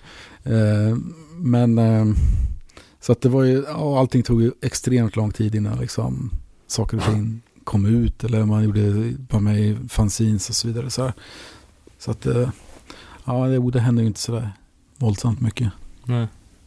Men, eh, men antar att ni under den här tiden ändå fortsatte repa och skriva låtar och Ja, Liksom. precis. Det, Eh, Men, men det var inte först eh, senare på 90-talet egentligen som ni bestämde er för att börja köra live då. mm. Ehm, och vi var ju inne på eh, den här 12an, eller blev den CD också Industrislaven? Mm. Eh. Ja, CD först. Ja. Ehm, efter den då, ehm, vi befinner oss då 95, eh, det går två år tills ni släpper World in Turmoil. Um, var det, är den också inspelad på, ehm, på samma ställe som tidigare material? Eller? Nej, eh, fram till, med undantag från den här demon som vi spelade in ute i, i bushen här, alltså alla de tidiga inspelningarna gjorde vi med Dan Svan i Finspång. Ah, okej. Eh, sen då, World in Turmoil spelade vi in i replokalen faktiskt på eh, någon sån här slags liten mini 8-kanaler som Meshko och Matte Ferm hade köpt ihop. Så det är liksom ursprunget till Punkpalatset och sen eh, Soundlab då, som, vi, som det handlar om här. Då. Okej. Ehm, och då, då hade ju då ehm, Rickard hade hoppat av. Jag hade blivit Nasens trummis helt plötsligt. Det hade ju inte varit tidigare. Det är lite intressant eftersom jag är trummis från grunden. Ja, exakt. jag hade hållit på och latchat med att tro att jag var gitarrist eh, under en period där. Så då blev det liksom med att det blev med vårt lilla... Det blev bara jag och Mjerska som, som repade och det gjorde vi så gärna. Vi hade ju... Det, man ska ju inte glömma bort att under den här perioden så hade vi en massa andra band också. Framförallt då Charles Horfager som både jag och Mjerska spelade i under den här tiden. Så att eh, vi repade ju väldigt mycket i massa olika konstellationer hela tiden. Då. Men då blev vi jävligt tajta när vi bara var vi två och jag, framförallt när jag började spela trummor. För då, då kunde vi liksom lek, göra lite mer lekfull musik på något sätt. Eh, Så att eh, från och med den World in Turmoil-inspelningen, eh, som även inkluderar en, en, den här Black Illusions-splitten som vi gjorde också, så är det ganska så här, då tror jag vi liksom började hitta Nasums egna sound Mm. som vi sen utvecklade på när vi började göra album då. Så det var ju jäkligt roligt. Men vad tycker du om ljudet på World in Turmoil? Ja men det är, så, det är Det ganska så är jävligt rått alltså. Ja det är jävligt rått men det, på något sätt det, det är liksom en, när, jag, när jag lyssnar på det så minns jag väldigt mycket av den tiden. Som när jag fick bli Nasums trummis och faktiskt lära mig att spela den här musiken för det hade jag inte gjort tidigare. Liksom. Det var liksom en utmaning i sig. Plus jag liksom fick utlopp för, för mm, all den här um, bredden i mitt, min egen musiksmak som jag att jag liksom kunde föra in den på mitt, eh, min egen spelstil. Då. Så det är väldigt mycket minnen kopplade till, till den, de låtarna, liksom, hur vi hade jävligt kul tillsammans liksom. Och det här, att vi spelade in det själva också då. Jag kommer speciellt ihåg att vi, för det var ju också, Rickard var ju vår sångare så helt plötsligt, ja vem ska sjunga så här? Vi får göra båda två på något sätt. Och liksom jag, jag skrek ju efter bästa förmåga att tappa rösten och sånt där. Det var liksom, ja fan. För det är väldigt mycket liksom, väldigt mycket personliga minnen kopplade till den inspelningen som, som kommer igen när jag, när jag lyssnar på det. Uh, ja. Men det verkar ha fått, ja alltså genom hela karriären så väldigt bra respons på allt ni har gjort. Var ja. det så på, även på den här första tiden? Ja, då... Eller fattar folk inte riktigt vad det var? Nej, men det var, väl, det var ju så i och med att det var liksom innan internet och där så var inte spridningen så optimal utan det var ju ganska mycket underground på något sätt fortfarande. Då. Och, mm, vi fick väl enstaka recensioner här och där liksom. Ja, men, jo, men det, det ligger väl någonting i det att, det, att det var liksom väl mottaget för att det var inte så många andra band som höll på med det vi gjorde då i Nej. Sverige. Det var några få till kanske sådär och ja, Bland annat så det väcktes ju liksom en liten fanskara borta i Kristinehamn. Vilket senare kommer att ha betydelse för, för någon som storyn också. Så jag, jag, tror att vi fick en förfrågan om att åka dit och spela men vi kunde ju inte liksom. Nej. Sådär. Um. Men eh, det som hände då efter World in Turmoil mm. är ju att ni på något sätt tar steget till att bestämma er för att nu ska vi spela in en riktig fullängdare liksom eh, antar jag. Mm. Eh, var det, vad säger fanns det intresse på, för att Inhale Exhale som kom 98, mm. den är väl bland annat släppt på Relapse. Mm. Eh, fanns det ett intresse från dem redan innan den skulle spelas in eller? Ja, det fanns det. Eh, för eh, när vi hade gjort den absolut första Blind skivan, eller skivan, eh, inspelningen där, så kommer jag ihåg att jag liksom letade rätt på så mycket adresser jag kunde till andra så här småbolag liksom och säga så här, vi vill göra mer. För det var liksom, själva grejen var ju liksom att göra, släppa så mycket skivor som möjligt. Och så enkelt med det här splitformatet då som liksom var drömmen liksom, för det krävdes så lite för att skapa någonting då. Och då skickade jag bland annat till Relapse, fast de hette någonting annat då. Men jag vet att jag fick ett så svar från dem, brev då, alltså handskrivet, vi är intresserade av att hjälpa till att distribuera er skiva. Bara, ah, det var inte det svaret jag liksom ville ha. Liksom så här. så att det fanns ändå med där. Och sen gjorde ju då Miersko den här lilla eh, Grindwork-samlingen som var en sån här tretums-CD. Om ni har sett sådana någon gång. Ah, okay. Ja, ja. den är jätteliten så här. Eh, med, det var två svenska band, det var vi och eh, Retaliation, ett annat grindcore-band. Så var det två japanska band som man hade kontakt med. Och den hjälpte Relapse till att distribuera på något sätt. Så då eh, togs den här eh, kontakten upp igen så att ah, vi kanske ska göra någonting för er och sådär. Och så då mellan World in Turmoil-inspelningen och eh, Inarexin-inspelningen så spelade vi in eh, eh, låtar till någon finsk samlings-CD. Och de låtarna skickade jag på eh, en, det är viktigt, en grön, grönt kassettband som jag hade liggande från någon sån här demoupptryckning till Relapse då. Och de liksom så här helt Ja, we love the green tape. Det refereras till den här, the green tape. Så, och då blev det liksom så här, ja men då, nu är det dags att liksom samarbeta då och göra den första inspelningen tillsammans. Och då pratar vi om någon mini-CD eller något sånt där. Jag har jävligt dålig koll på Relapse, men var det litet på den tiden? Nej, det var, Alltså för oss var det ju jävligt stort. Sen blev det ju ännu större eh, några år senare. Liksom. De hade ju liksom Mastodon och massa sådana här mm. band innan, innan de gick vidare till Major. Men det var större än Camel Records ja, som jobbar med annars. ja, precis. Jo, men det, det, var, det var ju också sånt där äh, kvalitetsstämpel ja, bara i sitt eget uh, namn. Då, sådär. Var det samma sigill som Earache var tio år tidigare? Ja, det kan man nog säga. Ja. Coolt. Ehm. Och, och i och med det så, så var det liksom ett heltidsprojekt eller var, hur, hur pass ambitiöst var det? Uh, ja, det var väl heltid. Alltså man höll ju på med många band samtidigt där också. Men uh, det var klart att det var liksom väldigt kanske högprioriterat om man säger så. Ja. I det man höll på med.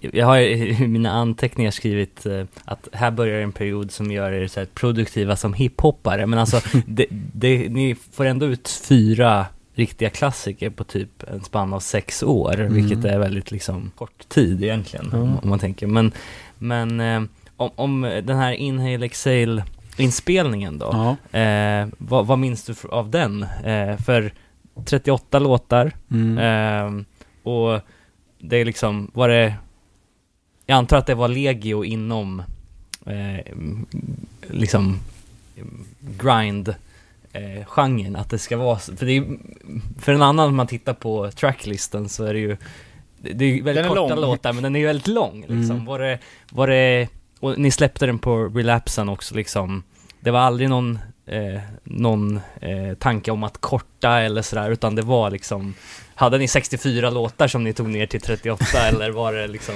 Ja, men så, så här var det. Fram till dess, då, då, då var det liksom en, eh, en, eh, en sport i att få med så mycket material som möjligt Ja, i, på formatet. Liksom. Hade vi en vinylsingel som i World of Turmoil-fallet så liksom blev det 16 låtar på den.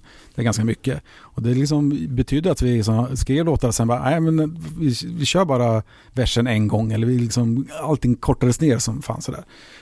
Och sen då när vi kom fram till att vi skulle göra albumet, till att börja med så hade vi ett kontrakt där det stod så här, ni ska leverera 45 minuter musik. Vilket vi trodde så här, ja det är ett superkrav liksom. ja, Så bara, "Åh, hur fan ska vi lyckas med det på det här sättet vi har gjort låtar hittills då? Det kommer liksom vara 100 låtar för att det ska bli den mängden då. Så då, då gick vi ifrån det här att, att korta låtarna utan liksom de fick liksom andas lite mer sådär. Men sen blev det ändå att vi, vi trodde ju att det där med 45 minuter var ett krav då. Så att liksom, det, blev, det var därför det blev 38 låtar till slut. I efterhand så hade jag gärna liksom sk- skurit bort kanske 8-10 låtar från ha gjort en liksom tajtare platta så här för att men det var det där, vi var lite så naiva att vi trodde Men det funkar skivkontrakt så att igen, det är inget krav egentligen? eller? Jag, det var jag bara vet inte. rekommendation? Men, ja, jag tror det, liksom, det är väl säkert för att inte någon ska liksom skicka in så här, "Ah, här är 10 minuter musik, eh, vår nya CD.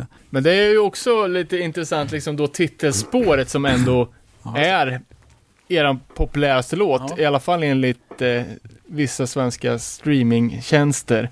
eh, men just det också att det är, Public service där får du inte säga. eh, att det också är en downtempo-låt. Ja, Hur känns det liksom att gå till, eller som Ja största hitten är en genrebrytare?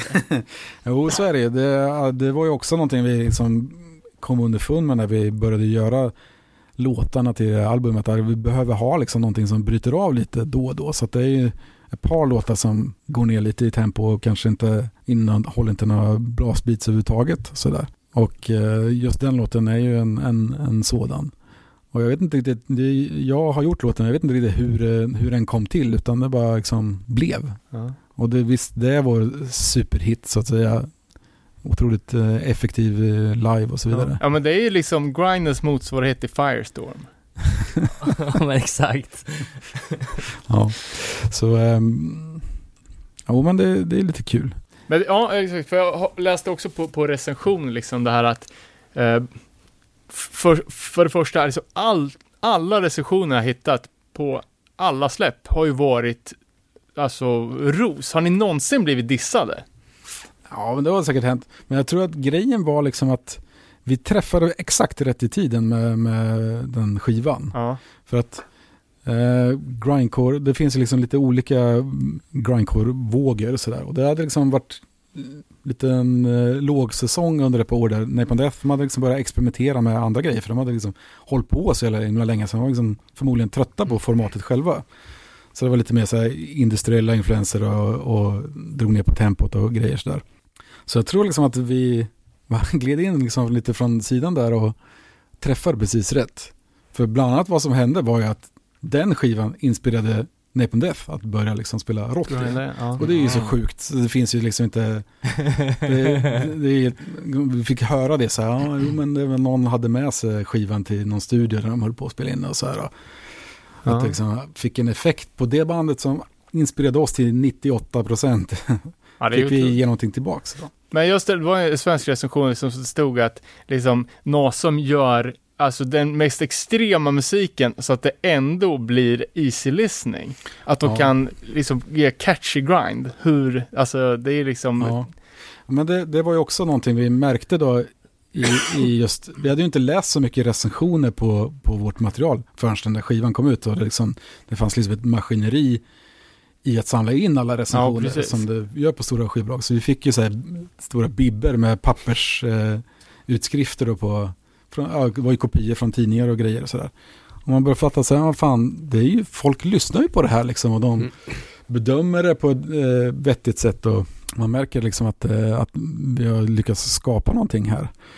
Och, eh, och även då om vi liksom hoppar fram till att när vi började spela live, vilket skedde ganska tätt in på, på det här skivsläppet då, så hamnade vi ju liksom inte med enbart mangelband utan vi, det var ju, kunde, ena veckan kunde vi liksom spela med Section 8 och den, där, den typen av hardcoreband och sen kunde vi spela med Entombed nästa så här.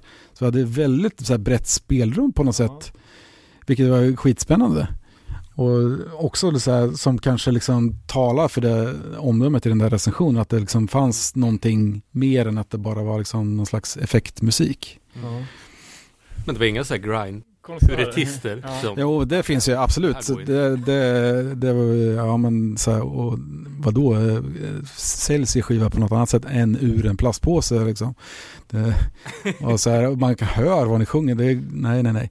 Så att det, det är ju så, det, så är det överallt. Men hur mycket sålde Inhale Excel? För det var ju ändå kanske ett av de sista åren det fortfarande gick att sälja skivor. Ja, jag skulle vilja säga att alla Nasum-albumen kom under den perioden när det fortfarande gick att sälja skivor. Okej. Ja. Eh, Så jag har inte några exakta siffror men det har sålt så bra att eh, varje år ger royalties tillbaka. Okej. Eh, Jag vet att, nu hoppar vi fram väldigt mycket men långt senare så gjorde jag den här samlingen som heter Grind Finale. Och den vet jag att första tryckningen var 14 000 ex och de sålde på en gång. Jävlar. Och så här, Det, ja. Ja. Hur, hur var, var vi, för den kom ut som fyrdubbel LP. ja det var lite senare dock. Men, eh, Ja, okej. Ja, vad var det för, för press på den vinylen? eh, den har ju då gjorts i ett par omgångar men det är några tusen per Ja, tryck tror jag. ja. För liksom, ja, ibland så snackar vi om band som för oss är de största och som har gjort liksom en sjua som sålde 500 ex. Mm. Så att, ja, det, man vet ju aldrig. Liksom, vi, alltså, ibland hör man ju om band som, som har sålt 10 000 ex av en demo. Svenska band. Liksom. Ja, precis. Eh, jag tänkte på det här omslaget också till Inhale Så precis så tänkte jag också. Eh, som, eh, som har blivit jäkligt signifikativt för vad man tänker på när man tänker på Nasum liksom. Det är perfekt för att beskriva musiken tycker jag. Ja, verkligen. Eh, men men det, är något, det är något bröllopsfoto alltså, eller? Ja, alltså jag sitter ju bara och väntar på stämningsansökan på den här bilden för att det är ju någon sån här, jag vet inte, jag fick den bilden, eh, en sån här liten, typ som en mobiltelefon stor bild eh, från en, en polare som hade liksom klippt ut den någonstans och sparat. Det var några, några år innan så här, eh, vi gjorde skivan för leta efter något omslag till något, något annat sådär. Så bra att ha bild. Ja, så, så då var den kvar liksom. Sen vet jag att vi liksom, när vi började snacka med, med Relapse om, om eh, att vi skulle göra skivan så här, och de frågade har ni någon omslag? Så jo men bara den här bilden och så liksom skickade någon kopia på det där de liksom gick igång på alla cylindrar. Men det är ju liksom någon så här superkänd bild. Okej, ja. så, här, så att när vi skulle göra i ordning omslaget som vi gjorde i, i Örebro, faktiskt på gamla Burning Heart-kontoret med lite assistans där så, så hade vi ett helt annat omslag. För vi vågade inte ha den där. Okej. Eh, Så hade liksom någon slags eh, någon, någon foto på någon brunn som var liksom lite så här rostigt och skitigt så här. Skickade över det till USA och så någon dag hör jag på min telefon så var det så här oh, we got the stuff but where's all the gas ma- mask images? Och bara, ja, jo men eh, vi vågar inte så här, men det är lugnt, vi tar smällen om det är så. Och sen har liksom, den smällen har fortfarande inte kommit men eh, Det var inte så att det lyftes ett varningens finger från millen under den ja, perioden också? man, man undrar ju det liksom. Sådär. Men eh, ja, du har inte bara spelat alla instrument, du har även gjort Nasum-logon. Mm. Har du någonsin ångrat att den går att läsa? Nej, det har jag faktiskt inte gjort. Men det eh, betyder dock inte att alla kan läsa den. Eh, turnerar vid något tillfälle så var det någon spansk promotor som hade läst den fel så det stod, de hade liksom skrivit med, på dator då, liksom vilka band som spelade stod det Nagnum. Så man hade liksom tolkat det med S som ett G och sen lagt in ett eget bokstav där. Liksom. Så um, ja. Ja, ja, kan man ju tänka hur de som har oläsliga logos, hur Mm. de blir behandlade. Ja, verkligen. En grej som, som, som touchar på att eh, eh, uttalat mål att ha politiska texter. ja. Hur ställer du dig till liksom alla dessa subgenrer då? Det är, som känns som att det nästan har börjat gå lite hand i hand med, i alla fall den bilden jag har av grind, att det ska vara lite så här humoristiskt, att det finns, det finns porn grind, det finns gore grind, och att det Mm. någonstans, liksom om man är Kakadue-grind. Ja, ja men det- exakt. Det, det blir lite för mycket anal kant ploj av alltihop. Ja, ja eh, när det begav sig så eh, jag var ju väldigt emot det där. Vi, liksom, vi brukade så här, s- s- alltid klämma in i olika intervjuer så att liksom, grindcore is no joke. Det var som en liten så här, eh, slogan som vi hade med. För att det var liksom blodigt allvar för oss. Ja. Och, och det var liksom inte bara det att det, att det kom band inom genren som höll på att tramsa sig utan det liksom fanns vid sidan av, alltså i, i den normala musikvärlden så kunde liksom band här, grinda till det lite så här, som någon rolig grej. Och då blev man lite förbannad så här, för för oss var det verkligen superallvarligt. Ja. Sen kan jag väl liksom nu idag tycka så här att ja, whatever. Men eh, speciellt då, om vi ska återkomma till det som jag pratade om, eh, den här festivalen Obscene Extreme, där det är bara det där liksom. Det är liksom folk som är i banandräkter som stagedivar nakna och allt möjligt. Så. Och det, då förstår man så här, ja men det här är en viktig del av det här också, men det är inte en speciellt viktig del för mig. Ja, jag tycker att det är lite tramsigt. Ja, ja, ja, ja. ja jag, jag, jag, jag förstår tanken, för jag är ju liksom dödligt seriös med min hardcore och folk Ja. tycker liksom att bara, men det är så här, slappna av liksom. Mm. Men just när ett band också har liksom, det, politiska texter. Nej, det känns, det känns som att det, att det, att det svärtar lite. Eh, och just det här med också att, nu är anal kant, Mm. ex, exemplet också att det ska dissas liksom fram och tillbaka. Mm. Har ni, har ni fått några så här antinasum-låtar? Det påstås ju eh, att det finns någon inakant eh, låt som liksom eh, gör någon glidning om, om Jerskos död. Jag, Okej. inte, jag vet inte riktigt om, det, om den finns eller inte. Och det tycker jag är lite... väl osmakligt. Ja, det är så här liksom. Jag kommer inte ens ihåg vad den, vad den titeln skulle vara sådär. Men alltså, Einar Kant är lite ursäktad på något sätt också. För att eh, vissa av deras titlar är ju så jävla roliga. Vi har ju faktiskt eh, spelat med dem eh, vid ett tillfälle i eh, en liten Japan-turné vi gjorde. Och då kommer jag ihåg, eh, de har ju en låt som heter You look divorced. Du ser skild ut. Det är som så det, ja. Så att det var någon dag, vi hade någon sån här pressdag, så, här, så kom de in i, i samma rum så här, och sångaren Seth, som numera tyvärr har gått bort, såg liksom lite uppgiven ut. Så, här. så det sa vi liksom helt så här unisont, alla i nasen, så bara you look divorced. så att, eh, ja, de får väl lite en sån här ursäktande. Jag har för övrigt deras eh, 6000 låtars E EP. Ja, eh, stämmer det att det är 5436 låtar på, på Ja, det är lite svårt att räkna. Den, den är ju framställd på det viset att de har spelat in den på 16 kanals bandspelare och så har de liksom kört en kanal i taget. Så det är ju liksom 16 låtar på varandra. igång samtidigt? Ja, på två sidor. Och sen är ju låtarna liksom mikrosekunder. Det, det bara knastrar liksom så. Ja, det är genialt. Ja, den är fin. Men jag har ju också haft i alla fall en humoristisk låt som jag tycker är jävligt bra och det är Li- Living Le- Next Door to Malice. Ja, alltså okej, ordvitsgrejen, det gillar ju jag också. Men den låten, alltså, innehållsmässigt är den, den skulle liksom, det var, jag skrev den när eh, eh, högervindarna började blåsa i, i Danmark. Så det är next door to Malice, Ja. ja. alltså Ja. grannet med Danmark då, i det här fallet. Då. Och det är massa eh, syftningar i, i texterna på red and white och sådär, danska referenser och sådär. Ordvitstitlar visst, men innehållet har var, i de flesta fall varit väldigt seriöst. Ja, jag, tänkte att det här var, det är ju för bra, kommer man på det så är det ju för bra för att inte göra något. Eh, vi snackar ju om Kristinehamn. Ja, just det.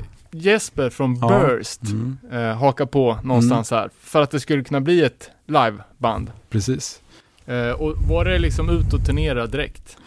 Ja, det, det var ju så att i och med att vi släppte på Relapse som ett amerikanskt bolag så fanns det liksom intresse därifrån att ta över oss till USA. Och, eh, jag, jag hade ju känt Jesper under en period och så jag visste att han var ett fan och spelade bas då. Så att det var liksom helt enkelt att lyfta luren och fråga så att du vill du haka på till USA och spela på CBGBs bland annat? Han bara, sa han ungefär. Och så blev det så då. Så att vi ja, repade in en, en liten uh, repertoar och åkte över och gjorde 11 datum i, i USA då. Och hur blev responsen där? Ja men det var bra liksom, eh, eller bra, det var ju eh, skitkul. Det var, det var lite så här, det var ett, ett turnépaket som Relapse satte ihop som gick under namnet Contamination med en del olika band och då, det var liksom lite spretigt också. Det var något dödsmetall och sen var det liksom Today's Today som var lite mer bistert. och något domband och lite, det var allt möjligt. Så det var liksom deras eh, eh, skärsnitt av deras eh, utbud och sådär. Men jag tror liksom att den här turnén var egentligen lite uppbyggd kring att ta över oss på något sätt. Vi var ju inte huvudband på något sätt men, men det var ändå det liksom de, eh, grafiken kring, kring den här turnén var gasmask-temat där också. Ja. Liksom. Okej. Så att eh, kul och nyttigt för oss att, att göra det där liksom. Jävligt nervöst inför första giget så här, men kul som fan. Mm. Ja. Spelade ni CBGBs då? Ja, precis. Det var rätt fränt. Supernedgånget stället men man liksom kände verkligen historiken i väggarna där. Eh, och eh, efter den här turnén då, var det... Eh, för Human 2.0 kom Mm. ju bara två år efter In Mm. Exile. Ja, precis. Eh, var det direkt tillbaka i, i arbetsläge då, eller hade ni låtar sedan tidigare som ni även kunde plocka in där? Nej, det var nog mer eller mindre någonting vi påbörjade efter det. Okej. Vi hade gjort någon, någon sån här uh, mindre inspelning emellan med lite så här strölåtar som skulle vara till någonting, någon samling eller något sånt där. Ja, för jag får för mig att eh, spår 4 på den plattan, Shadows, att, har den släppts i någon demoversion på någonting emellan där, eller? Nej, det har den kanske inte. var senare? Ja, nej, den, den, men det är nog möjligt att den kan ha varit med på någon sån här uh, close-up CD eller något sånt där. Ja, Ja, det känns ju som en eh, staple. eh, ja den låten. Ja. Ja, ja det, var, den, det var den första låten jag hörde av Nasum. Ja, Eh, Det är ju en låt som man kan säga är ett direkt resultat av att uh, Mirsko hade Soundlab Studios och spela in Nine till exempel. ja, Det står ju på Human 2.0 skivan så står det ju någon sån här, i tacklistan så här, att tack till alla band vi har snott riff från. Och det var ju liksom att han satt dag ut och dag in och spelade in alla de här banden liksom och sa ah, det där var bra parti, det tar vi med till replokalen så där. Som Shadows är en typisk Nine-aktig Nasum-låt mm. Också en superhit som säkert hade kunnat gynnas av en bättre produktion. Ja, för det är jävligt speciellt ljud på Human. Ja, Men det, är, ju- ja, och, alltså det, det säger man om nästan allt, men eh, jävligt rått. Men det här tycker jag nästan toppar ja. Det, jag vet sterilt och rått. Det är ganska många som har problem att lyssna på den skivan och jag vet faktiskt inte riktigt vad som hände med den skivan. Jag vet att den spelades in dels, eh, nu ska vi se, jag tror att vi började spela in den i första Soundlab-studion, det vill säga den som låg under en Kina-restaurang. Och sen byggde de då den här klassiska Soundlab som tills alldeles nyligen fanns.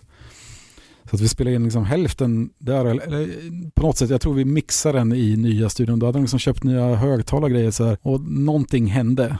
Och det är så skumt för jag har så superklart minne av att jag och Mjerska satt och lyssnade på inspelningen när vi liksom satte låtordningen sådär liksom och satt och diggade så in i helvete så här, fan vad bra låter. Och sen blev det liksom väldigt märkligt när det sen väl släpptes. Men det finns andra skivor han spelade in ungefär samtidigt som låter likadant, så att det är liksom lite dovt och konstigt sådär. Så att, eh, men det, det sätter ju sin prägel på den skivan också på något Ja. sätt. Men jag hade nog önskat att det hade varit lite klarare produktion på något sätt. En grej då som, som återkommer är ju att ha låtar på både svenska och engelska.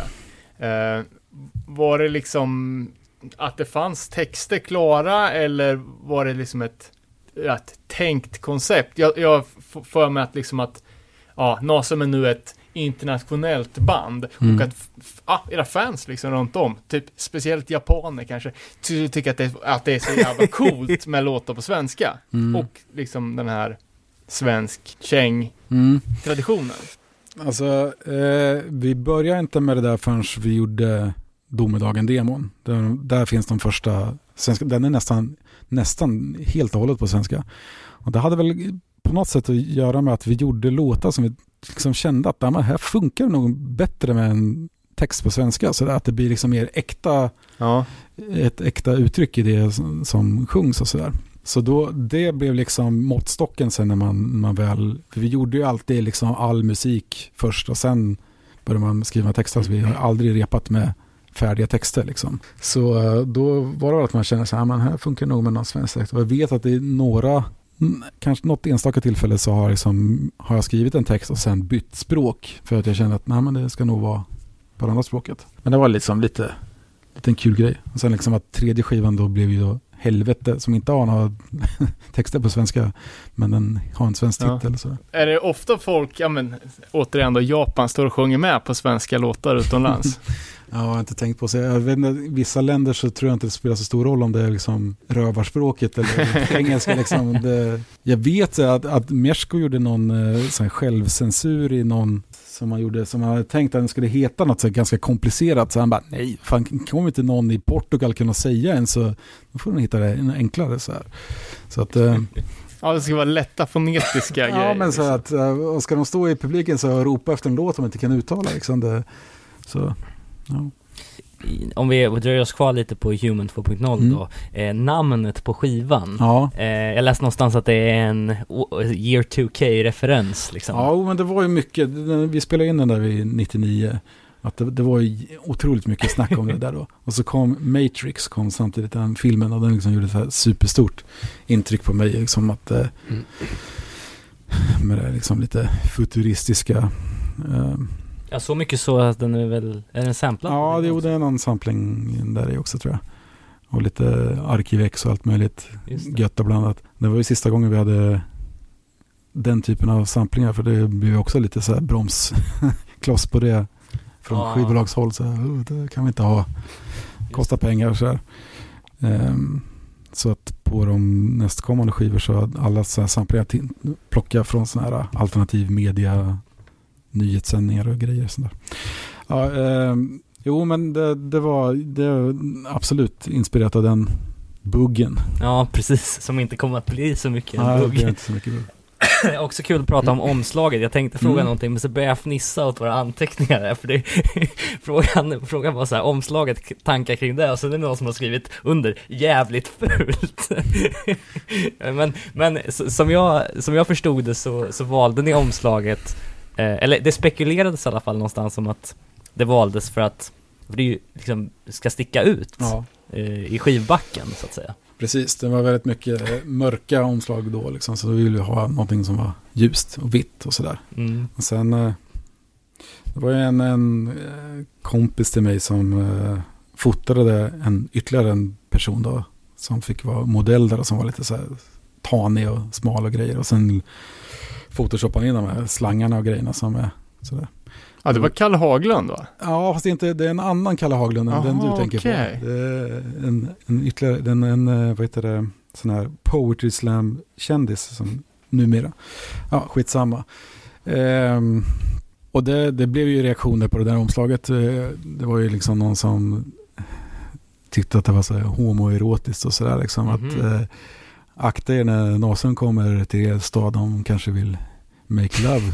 Vad fan vad sjukt. Så det var ju liksom lite, så, lite komiskt. Men eh, jag tycker det är jävligt coolt. Ja, ja men verkligen. Jag vet inte vem av er som stod för den. Ja, det var, det var jag. Det, nej, jag. Jag tycker inte att den, den är så nice om man jämför med övriga katalogen i alla fall. Eh, m- I alla fall i min värld så är, är det här eran eh, största skiva? Human? Ja, Nej, inte? nej. Men det, känns som att det var det inte lite, så här, lite Grammis-nomineringar och grejer på det här? Ja, det är på helvete. Det är på helvete. Var Peter Guld vann vi för den. Och eh, manifestpriset också.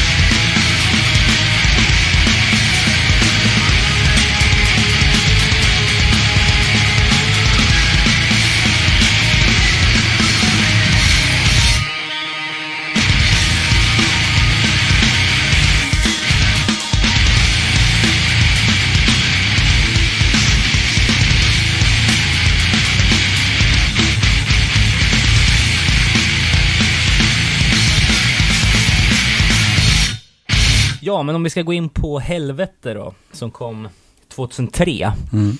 Eh, och eh, som eh, vi pratade lite om så, så var det ju tre år mellan Human 2.0 och, eh, och Helvete. Mm. Jag antar att det var eh, mer turnerande då som, som stod för dörren. Och, Ja, det var det ju. Vi gjorde ju dels den absolut största turnén bandet och jag själv har gjort när vi var förband till Napalm Death i Europa i sju veckor. Så en riktig mega mastodont-turné. Väldigt fantastiskt förstås att få turnera med sitt, ja, sin inspirationskälla nummer ett. Som visade sig vara supertrevlig också och inte några arslen som, som det kan vara liksom, när man har sett upp till folk sådär. Så det var ju eh, en utmaning så att säga. Det finns ju en del roliga stories från den turnén. Jag tror att två så bryter gitarristen i NPNF foten. För han hoppar ut genom ett hotellfönster när han har smakat på någonting som man kanske inte ska smaka på. Så att eh, det blev eh, kryckor och sittande sju veckor för honom. Jävligt spännande. Um, så det var lite kul. Och sen eh, gjorde vi också då eh, den absolut första Close-Up Made Us Do It-turnén tillsammans med Haunted och Nine då. Eh, innan vi började spela in Helvete. Och det var ju då i och för sig en Sverige-turné kan man väl säga med en avstickare i, i, till Norge och, Danmark också. just det. Det var riktigt kul. Eh, finns, det, finns det något dokumenterat från de här turnéerna från den tiden? Gjordes det några liksom live-DVD-er eller? Nej, eh, Close-Up-turnén den eh, spelades ju in, eller blev som någon slags eh, avsnitt om det i eh, Musikbyrån, här tv-programmet som gick på den Ah. tiden. Så det går väl att se på nätet tror jag. Nej, jag tror inte det gör det. Det fanns ju på öppet arkiv, men länken var trasig till Ah. min förtretelse. Ja. Det där skulle ju vara riktigt Ja, men det kan ligga på YouTube också tror jag. Men det var ju, det var ju eh, Haunted hade ju vunnit en Grammis på den skivan de turnerade på. Så det var ganska uppmärksammat den här turnén då. Och så var det ju vi och Nine då, som var liksom alternerande förband kan man säga. Att varannan dag spelade någon av oss absolut första. Ah, Okej. Sådär. Eh, men det var, det var en jäkligt kul turné. Sålde sjukt med merch, kommer jag ihåg. och också så här, eh, vilket år sa du att den här turnén var? Ja, men den var start 2002 kanske? Och ni gjorde 11 datum. Ja, jag kommer inte ihåg. Det var något sånt ja. Ja, Det är ändå, det är mycket för att vara Svealand som, eller för Sverige Ja. som, som Mm. marknad liksom, Mm. att, att klara av att göra det liksom. Eh, men, eh, om, eh, just helvete då. ja. Eh, eh, den inspelningen, eh, vad minns du av den? Var det, hade ni, kände ni någon prestationsångest liksom? Den svåra tredje skivan. Ja, exakt. ja, vad minns jag av den? den? Till att börja med tror jag den finns ganska bra dokumenterad på, på hemsidan. För det var nog den första vi skrev en sån här studiedagbok kring. Okej. Och Jag tror även att Mirsko skrev en liten eh, så här mer teknisk beskrivning av vad han använt för mickar och skit för sånt som är, sånt som är intresserad av det. Vilket var väldigt uppskattat också förstås. Eh, nej, men jag minns väl, eh, ja, vad minns man?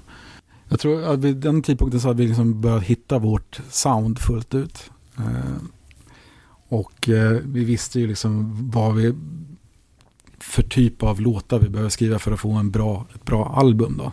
Och eh, det är väl kanske det bästa Nasum-albumet skulle jag kunna tro. Liksom. Det, det blir väldigt uppmärksammat de här, de här priserna vi fick för Peter Guld och, och manifest, manifestpriset. Och den, nämndes även på Grammisgalan i en, en sketch med en imitatör som gjorde, han imiterade Göran Persson. Som sa att hans favoritskiva var Helvete var Nasum. Jävligt, jävligt kul.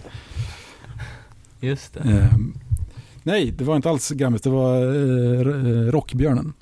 Ah, Men okej. Same same. Ehm, ja men det var, ja, det var en kul inspelning. Mm, ja, skivan har ju fått otroligt genomslag också. Jag vet att jag läste någonstans att Terrorizer-magasinet hade liksom rankat den, när de gjorde någon lista över Mm. most essential grindcore albums Mm. så hamnade den på plats två typ. Ja, Men nästan så det inte ens är bara så grind-fanatiker. exakt.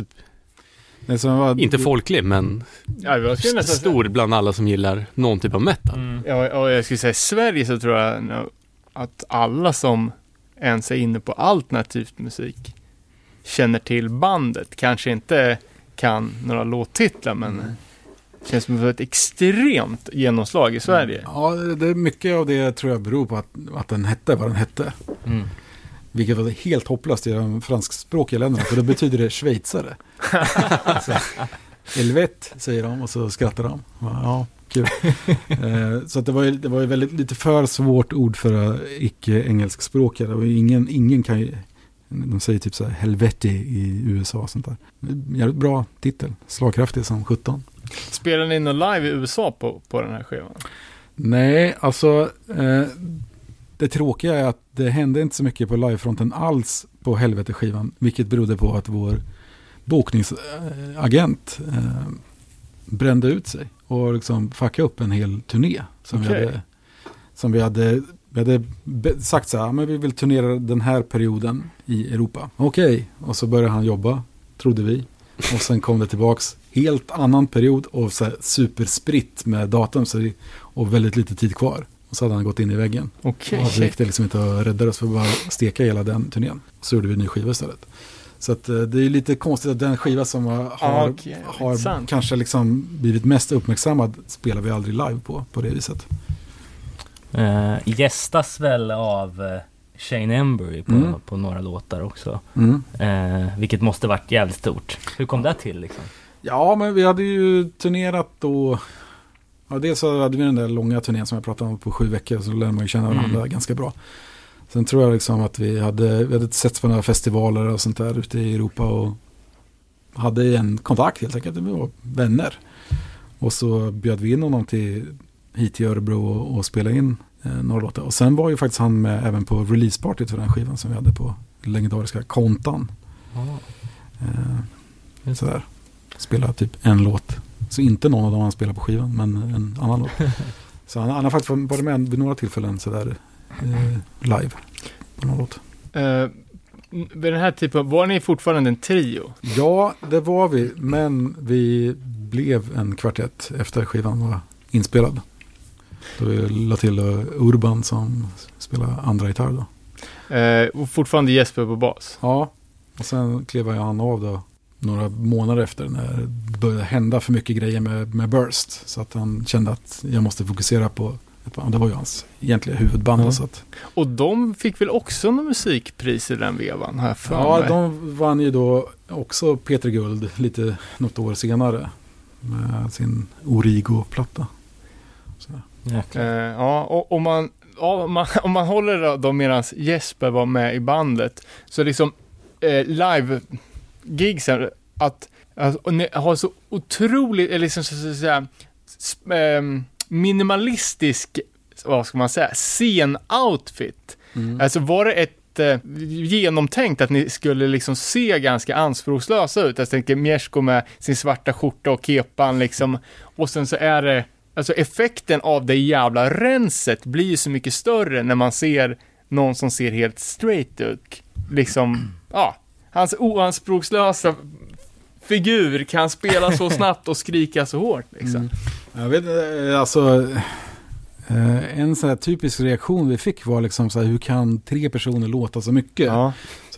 Så att eh, jag vet inte, det var bra ställe ibland. Ja. Nej, för det, det var ju bara så svart t-shirt och liksom inget jävla, inget, alltså det var inte äh, Gwar-dräkterna direkt utan Nej, det var... men det var, ing, det var inget som var en plan att så där, liksom tona ner sig lite för att göra mer impact Nej, jag vet visuellt. inte, jag vet inte, Merskan trivdes att spela i skjorta sådär. Sen hade han väl kanske någon sån här eh, period när han körde i några jävla eh, kakifärgade kläder och så mycket var så här, ah, det var kanske inte så snyggt, det var lite så här mycket Expedition Robinson-varning på det. Ehm, vilket jag också var bidrag till, för jag hade också en jävla skjorta som var kaki. Helt dumt. Men ehm, Ja, en liten detalj som jag kommer ihåg som jag var jävligt imponerad av var ju att eh, Jesper hade te- tejpat med silvertejp på underarmen så att han inte skulle få brännsår. För Ja, han spelar ju liksom med hela axeln. Ah, okej. ja. Och då tyckte jag på, jävlar, de, de röjer, eller så shottar så jävla mycket så att de måste liksom ha skydds, skydds, eh, Skydds, skyddsdräkt. Ja. Jo, det kan ju bli lite våldsamt kanske. Och sen kom det in en ny basist som hade ju lite mera eh, rocksväng i personligheten och Elle från Mm. klassiska hardcorebandet Outlast och tusen därtill. Victims numera. Numera. Ja, precis. Ja, han var ju också ett, precis som Jesper var ju ett fan av bandet sådär som jag hade inte, jag kände inte honom tidigare. Mirsko kände honom lite grann sådär. Och, Ja, för han anmälde sig frivillig va? Ja, men de träffades, jag tror att, eh, för vi spelade ju, eh, precis innan Jesper klev av så körde vi ju lite festivaler i Sverige, bland annat Hultsfred. Som också filmades, som jag skulle vilja få tag på faktiskt. Det var ju riktigt bra. Eh, konsert överlag då, i teaterladan där. Och då tror jag att de snackade lite efteråt där att eh, ja, men det, var liksom, det var klart att Jesper skulle kliva av men han gjorde ju ändå liksom sin duty över de bokade spelningar vi hade då. Men, eh, så att vi testade någon annan person också lokalt så här, men eh, det, Elle han, han är ju rätt speciell så där. Så att det funkade bra med en sån. Han ganska, Mer outgoing. ja, man är lite explosiv på scenen så här. Snarare en, en regel än ett undantag att han kräks på scenen för han får in sitt eget hår i halsen. Så. Ja, exakt. Vi såg varandra kräkas när vi såg Victims i, i Stockholm och Ja, tyckte att det var en jävla, eller liksom att, att det lyfte spelningen lite. Han har väl- väldigt lätt till kräkreflexen när, när någonting hamnar i munnen. Eh, kan det vara det här då i Hultsfredssammanhang? Eh, hört rykten om en beef med Kent? Finns det något? Nej, det tror jag inte. Mirsko är superfan av Kent. Så det vet jag inte vad det är. Okej. Hmm. Nej, jag läste någon, eh, någon eh, intervju och så då, då var det någon som, som refererade till Fråga Nasum om Kent, men då kanske det var som att ni gillade dem. Ja. Att det var, kanske var lite otippat. Ja, då Mirsko är jätte, jätte fan av Kent. Och eh, faktum är ju, kanske går händelserna i förväg här, men eh, han fick ju faktiskt då med sig ner i graven en signerad Kent-skiva som han inte hade hunnit lyssna på för den hade inte kommit ut då. Eh, så att det var ett väldigt viktigt band för honom. Eh, Elle, han spelar väl i Accursed också va? Ja, precis. Eh, det här legendariska, Ökända. ja, Linköping. Och jävligt bra. Ja, Kan jag dra en liten anekdot där eftersom sånt uppskattas då. Men eh, nu hoppar vi väldigt långt fram i tiden. Men 2012 när vi gjorde vår lilla eh, återförenings turné och vi hamnade i Immigrations i Nya Zeeland så sa vi att vi hette Accursed för att vi inte skulle finnas på internet. ah. För att vi var tvungna att dra en vals, att vi bara gjorde en layover där vi inte skulle spela. ja, ja, ja, såklart. Okej. Jag fattar. Ja, det...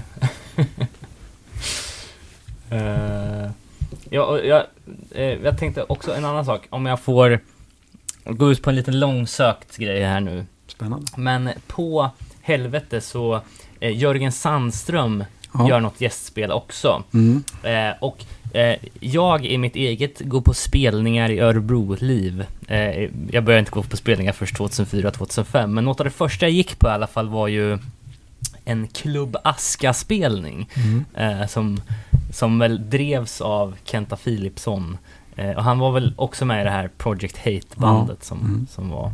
Ehm, jag tänkte bara kolla v- vad, hur stor, eller ha, hur stor påverkan hade de på, på Örebro-scenen? Alltså, eh, och hans gärning där liksom. Eh, Klubbaska. Ja, exakt. Och för att jag som ny, ung eh, fjortis som gick på, ville gå på så extrema spelningar som möjligt så var ju utbudet ganska stort i Örebro. Mm. Just på grund av de spelningar som han satte upp. Alltså allt från black metal till death metal och grind och sådär. Eh, Ja, man kan väl säga så här, rent historiskt så har det ju liksom alltid funnits eldsjälar som har liksom agerat under en ganska kort period och Mm. gjort väldigt mycket för just speciellt konsertlivet då.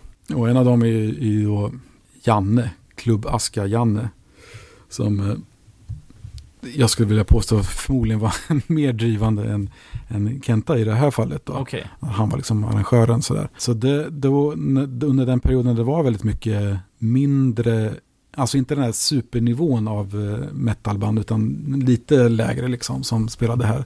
Så, så var det ofta att det var de som var inblandade i bokningen på något sätt. Då. Mm. Och det, och det, den här Janne som jag refererar till, han var ju även delaktig i Metallsvenskan då med, Ja, med Kim ja, och, okej. och det gänget. Och även JA i Nikia. Samma, ja det var ju Niklas, Kim och Janne. Nu är det så här super Örebro internt här, men det får Mm. ni leva med. Mm. Eh, så att så är det ju. Så att det har ju alltid funnits folk som har varit så här eldsjäliga. Ja, jag tror till och med att, om jag inte minns fel nu, men jag tror att de satte upp, om det inte, jag tror att de hade Creator-spelning i Örebro. Mm, ja, Eh, möjligt. som jag var på. ehm, just under de åren då. Men det kändes som att ehm, just man är örebroare, man känner till Project Hate. Och jag visste att eh, ehm, han var involverad i Klubaska också men eh, det kändes aldrig som att de fick något större genomslag i Sverige utan det var mer i utlandet som de var eh, kända. Project Hate. ja, men jag vet inte Ja, hur alltså, generellt. man kan väl säga så här att eh, Kenta har en, en ganska dedikerad fanskara. Mm. Så, att, så till den grad att de senaste Project Hate-skivorna han har släppt har liksom, han liksom sålt Ja, det är lite så här Kickstarter-tanken. Ja, jag tror inte okej. det har gått, liksom, har kanske inte gått igenom någon, någon sån här eh, plattform utan att det liksom har bekostats av fansen på något sätt. Sådär. Mm. Så att, eh, ja, han har, har sin, sin publik då så att säga. Ja, och det kanske var så att eh, den klubbaska och hela den storhetstiden var några år efter att, att Nasum var aktiva i Örebro och Ja, jo, också. så det stämmer nog. eh, Däremot eh, han Janne då som var med i Klubbaska innan de drog igång Klubbaska så var han arrangör till då bland annat här Helvete Release Party på, Ja, okej. på konton. Som han även gjorde en fantastisk kycklingsallad till. Eller pasta, pastasallad kanske var. Otroligt god. Det var så här legendarisk. Alla gäster pratade om den. Mm. Coolt. Ja, nej men eh, förlåt, det var bara lite, jag var nyfiken på... Det var en så kallad parentes. Ja, exakt. Eh, men då, eh, Om helvete släpptes 2003, Shift kom sen 2004 och då förklarar ju det lite varför varför det bara var ett år mellan dem då så att Mm. säga, att ni, att ni hade problem med att få ihop turnén och sådär. Mm. Eh, Shift då, eh, det blev, eh, den är släppt 11 oktober 2004, men Mm. jag antar att majoriteten av inspelningen var under 2003. Slutet. Nej, faktiskt inte. Den, jag kommer inte ihåg exakt, det, det står någonstans. Men grejen med den, den, till att börja med, den släpptes ju av Burning Heart helt plötsligt. Ja. Väldigt, Ja, hur kom det sig? Ja, hur kom det sig? ja, till att börja med så var det så här att vi kände kanske att vi behövde någon liten förändring så här. Och att, vi, att vår primära marknad var Europa. Och då tyckte vi att då är det bättre om vi ligger på ett europeiskt bolag än ett amerikanskt bolag som ska promotas i här då. Och trodde vi, vårt kontrakt med Relapse, var, det var det inte, visade det sig. Eh, så det blev lite, lite krångel där. Men det var ju väldigt praktiskt för oss att knalla upp, ut genom en dörr i studion, upp för en trappa och sen helt plötsligt vara på Burning Heart-kontoret, för det var ju samma byggnad. Och eh, jag vet inte riktigt hur den diskussionen kom upp, men det var en diskussion vi hade, att vi ska nog kanske testa att samarbeta på något sätt. Och som vanligt så tänkte jag så här, vi kan testa att göra någon mini, mini-album till att börja med. Och så gick jag och Merska ut från det här mötet och sa så här, fan, mini-album, det betyder 12 låtar kanske, något sånt där. Vi ger dem 40. Nej, men alltså, det finns ju inte en skugga av en chans att den kommer säljas som ett minialbum i skivaffärerna när det är 12 låtar på baksidan. Och vi hade liksom börjat göra låtar, så här, fan vi gör lite till så har vi ett album. Liksom. Så gjorde vi det och, eh, och så märkte vi då att det var ju inte alls över med, med Relapse. Så det blev lite fult där ett tag. Det var eh, jobbigt. Men så kom vi i alla fall till en överenskommelse med, med Relapse att de skulle släppa den i USA. Plus att de skulle ha första sing på någon samling och någon singel och lite så här bonusgrejer och sådär. Och eh, I och med att vi hade missat den där turnén så ville vi få ut den där så fort som möjligt. Och det betydde liksom att den kom ut så pass tätt in på den, den förra skivan. Av den anledningen. Så Relapse hade inte tänkt att släppa någon skiva med oss. Om, om, om det allting hade rullat på som vanligt så hade det liksom gått kanske ett halvår, år till innan det var dags. Så att säga. Så det blev lite stressat från deras håll då. Så här, i efterhand kan jag säga att det var ett fel val att byta skivbolag. Det hade varit mycket enklare att vara kvar där. För att det, det, det rörde till det mer än vad det, vad det gjorde nytta. Och det var ju redan lite på väg neråt för Burning Heart också. Ja, kanske inte enbart, eller inte av den anledningen. De gjorde sitt jobb skitbra för att få ut den här skivan och den blev bra på alla sätt och vis. Sen har det liksom på sikt blivit konstigt för att eh, Burning Heart upplöstes. Ja. Och är det Epitaph som äger rättigheterna till den? Ja, inte, nu är det faktiskt så att de, de har kommit tillbaka till Relapse på några vänster. Okay. Så, men ett tag var det så otroligt krångligt med royalties för det där. Men nu är det liksom det löst på något sätt. Det finns ju liksom ingen, ingen backkatalog av den där på eller ja, en europeisk upplaga längre. Den är liksom försvunnit då. Mm. Men eh, ja, som sagt, så vi tryckte gasen i botten där. Vi var liksom lite peppade för att vi hade bytt. Vi hade fått in, tagit bort en medlem och fått in två nya då med, med Urban och, och Jon. Då. Så vi hade liksom lite ny, nytt flow i, i bandet på något sätt. Sådär. Vilket förklarar titeln på skivan, Shift, att det är liksom ett skifte. Vi hade ju lite olika förslag där som ändå liksom gick åt det hållet. Att det skulle signalera att någonting hade hänt med, med bandet. Turné på den där var ju inga problem heller. Det var ju liksom vår första headline-turné i Europa. Jävligt lyckad. Allting ja. var top notch. Och hur, vad hade ni för kapacitet som headline? Ja, det, det, var, det var normala klubbar sådär, men det var liksom, det var en bra turné eh, på alla sätt och vis. Vi, vi var bra till att börja med och eh, det var mm. fint intresse och liksom, allting flöt på bra. Det var inga så här, ekonomiskt var också helt okej okay, liksom. Mm. Jag vet, vi har ju gått igenom det här i Augustibuller-specialen men eh, ni spelade ju på Augustibuller någon gång där. Det var första gången jag såg er minns jag men... Ja det, det var möjligen då mellan där. Det var Jespers sista spelning. Ja ah, okej. Okay. På Augustibuller. Just det. Jag minns att det var ett jävla röj i alla fall i ett av tälten. Eh, häftigt. Eh, men hur var... Var det Europa som ni fokuserade på här? Eh, med spelandet? Eh, eller körde ni i Sverige också? Liksom, eh, som ni hade gjort tidigare med eh, close-up-turnén och så, eller? Ja, när det handlar om alltså en konkret turné så var det ju mest Europa. Men sen ja. var det klart att vi hade gjort Enskilda. helger ja. här och där. Liksom. Och det var ju även åtminstone två eh, Sverigedatum på den där ja, turnén. Och sen gjorde vi ju en efter turnén en spelning i Uppsala och sen en i i Italien som blev den sista Nasenspelningen. Ja, just det, just det. Om man säger så.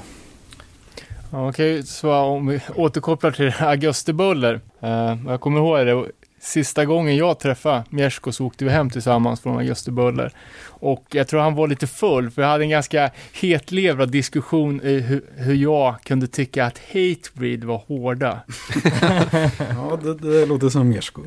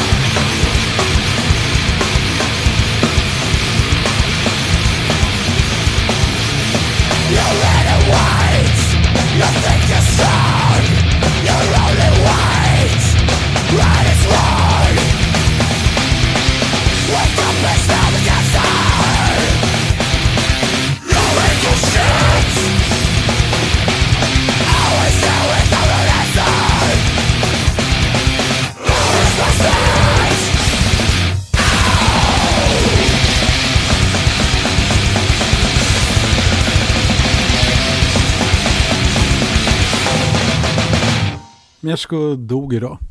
Vilket var jävligt knepigt förstås. Och vi beslöt oss ju i bandet att eh, lägga av, eller lägga ner men inte lägga av. Jag kommer inte ihåg, jag formulerade det på något smart sätt någon gång, fast jag kommer inte ihåg det nu. Men det liksom kändes så här konstigt att bara liksom helt dra ett streck över allting och stänga ner verksamheten. Så att vi slutade ju vara ett existerande band men fortsätter ju att finnas då, för det var ju ganska stort intresse.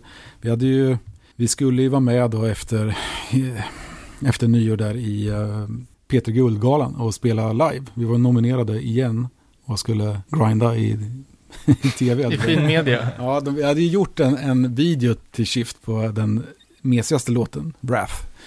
Som är eh, lite så här Carcass-aktig låt som jag hittade på. Men det var det enklaste att spela in video på den. men, så den, den tyckte de att P3 hade, men den ska ni spela. Så, Nej, det ska vi inte göra. Så hade vi bestämt en annan låt för att få mangla liksom. Och så gjort en specialversion som var liksom lite längre så att vi kunde mangla lite mer. så, eh, så vi var ju sugna som fan på det där, men det, det blev ju ingenting av det. Och vi var även bokade till Hultsfred året därpå, så det var mycket liksom som fanns på agendan. Men och det sista som jag och Mjersko skulle ha gjort det året då, eh, Fyra var att sitta någon dag i, i Soundlab-studion och sätta ihop den här samlingen då, som hade varit på gång i flera år. Och det var ju då en samling med allt som inte var med på våra album, det vill säga alla singlar och demos och eh, samlings... Eh, compilation-låtar och sånt där. Men sen hann vi inte med det och sen drog ju han iväg på semester och, och så gick det åt helvete så att säga. Så att den där låg ju ändå kvar som ett projekt som jag så småningom började jobba med själv då. Att eh, dels samla ihop alla mastertaper och sånt där och jag fick assistans av, av Dan Svana i hur jag skulle liksom mastra det där eller sätta ihop i något dataprogram. Och det blev ju ett sätt för mig att bearbeta min sorg, liksom verkligen gå på djupet i hela karriären, liksom, och alla minnen och allt sånt där. Och mm. Det var ju ganska omfattande arbete att samla ihop. Ja, om man nu ser den här eh, utgåvan i sin fysiska form så är det en ganska imponerande pjäs. Liksom. Ja, det är ju det. CD-versionen som kommer i som en liten tjock bok med 80-sidig booklet med massa bilder och kommentarer och texter och allt möjligt. Så här det är ju verkligen någonting. Det är inte bara liksom en jävla Spotify-lista liksom. Och det är jävligt mycket låtar. Ja, det är 152 på den. Det kom även, uh, i samma veva kom det ju en rysk bootleg. Har du sett det? Nej. En CDR med 324 låtar. Men Nasum? Ja. Med riktigt omslag och allting? Ja. Måste hitta på några egna låtar för så många låtar finns det inte. Ja, det kan ju vara multiple takes. ja, exakt. Uh, ja, så att men den kom väl kanske 2006 eller något sånt där. Det var lite krångel med produktionen av den här förpackningen. Man hade tryckt den på några så här bibeltunt papper så att det liksom blev inte... Mm. Permarna var helt okej okay, och sen liksom var det en liten tunn boklet som låg och fladdrade emellan där så de fick trycka om hela upplagan ett par gånger. Var det för att den skulle få plats i konvolutet? Ja, men det var, jag vet inte hur det... Eller var någon, för någon, kostnadseffektiv? Ja, men det var någon, alltså det var ju en miss av själva tryckeriet då, så ehm, och, sen, och, den, och sen några år senare så kom ju då en vinylversion där med på fyra skivor. Och då var ju, jag var ganska emot att göra en vinyl först, så jag tyckte så att det här är ju vinyler som har kommit på CD. Det var ju liksom det som var grejen, att det var alla små singlar och sånt där. Plus att det krävdes liksom något extra för att den skulle, man skulle göra någonting som motsvarar den här ganska maffiga CD-releasen. Och det lyckades då. Eh, kanadensiska bolaget som heter Unrest som gav ut den där. Jäkligt kul samarbete med, med, med den killen för han liksom bara la på mer och mer grejer hela tiden. Så här, ah, men vi slänger med en affisch också. Bara, ah, ja. så här, och ska vara tryckta inne på så här, så här, ah, ska vara allt möjligt. Så här. Det blev bara mer och mer, men det blev jävligt coolt till slut. Kommer du ihåg vad den kostade ny? Nej, jag sålde den för kanske 300 spänn eller något sånt där. För det låter som att det skulle vara sjukt dyrt att göra. Alltså ja. bara fyra LPs och med massa lullor. Han har ju liksom gjort en lik, ett liknande släpp med bandet som heter Disrupt. Ett eh, amerikanskt crustband. Det är liksom samma tanke liksom. Så här, och den var jävligt dyr. och när den kom nu då. Ja. För att priserna har ju gått upp då. Så den, och sen det kom ju även en annan skiva också efter det officiella slutet och det var ju en live-skiva som hette Doombringer som var. också en sån där planerad release som eh, hade dröjt lite. Och den var ju egentligen, tanken ursprungligen var ju det att det skulle bli en split eh, live-skiva med Napalm Death, vilket det också blev, men den hann släppas som en egen skiva innan på grund av terror. Men eh, så de som vill ha, en, vill ha en dyrgrip kan ju leta efter den där eh, bild live-splitten med Napalm Death, som Chamber själv gav ut. Ja, det måste ju vara liksom verkligen full circle att få splitta med, Ja, med det är ju då inspelningen är gjord i, i Japan under någon turné vi gjorde med Napalm Death. Så, så det ramlade ut lite skivor ändå, trots att bandet inte fanns. Och sen så blev det en avskedsturné Mm. också. Eh, 2012. Mm. Eh, där ni plockade upp sångaren från Rotten Sound Mm. för att sköta. Eh, eh, hur, hur kom liksom idén till att göra avskedsturnén? Eh, Ja, det, till att börja med, det, jag vet att jag tänkte efter att Mersk hade dött och vi hade den här bokningen på Hultsfred som inte hade annonserats ut men den var liksom, vi skulle spela där. Att så här, ja men då kanske vi ska göra ett avsked på Hultsfred så här, och ta in lite olika sånger och sånt där. Men sen liksom, det fanns inte på kartan att man skulle orka med det då. Men den där idén låg ändå kvar och skvalpa i huvudet att det blev liksom aldrig ett, vi fick inte ta avsked på på vårt eget, eh, det var inte vårt beslut. nej. Det var liksom en jävla flodvåg som tog det beslutet av oss. Så att det kändes som att det var liksom inte riktigt avslutat än. Det var, vi fick inte säga tack och hej då som man skulle göra. Så jag hade någon tanke där så här, men det går ju säkert att göra en sista spelning typ i Stockholm och sånt där. Så att eh, jag åkte upp till eh, Stockholm, det var sommaren 2010 på min semester så skulle jag liksom bara träffa mina före detta Stockholm-baserade Nasum-kompisar, Urban, Elle och, och Jesper då. För att liksom bara hänga, vi skulle gå på en Converge-spelning på kvällen. Så där. Men jag hade ju liksom en liten agenda i bakhuvudet där att lägga fram den här idén om att kanske liksom göra ett avslut då. Och eh, så småningom så började vi diskutera det då och eh, det var lite olika reaktioner från de här personerna. Men ju mer vi pratade om det, ju mer peppade blev allihopa på att ja, det här kanske kan vara någonting i alla fall. kom vi då på att ja, eh, det är ju exakt lika mycket jobb att öva inför en spelning som en hel turné. Så det är lika bra att göra en turné då i sådana fall. Eller vad det nu skulle bli. Så eh, steg ett efter det var ju att träffas här i Örebro och eh, repa lite bara för att känna för ja, hur låter det liksom, funkar det sådär. Och bara det var ju jävligt kul liksom att damma av de här låtarna igen och hänga med, med folk man trivs med. Och det var alltså sex års uppehåll. Ja, precis. Det, så måste det bli då.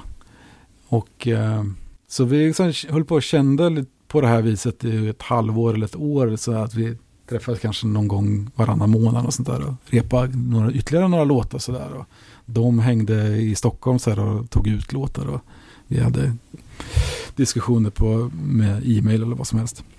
Och sen då kom vi till en punkt så här, hur fan ska vi göra med sången? För det var ju inte på kartan att någon av de här skulle sjunga.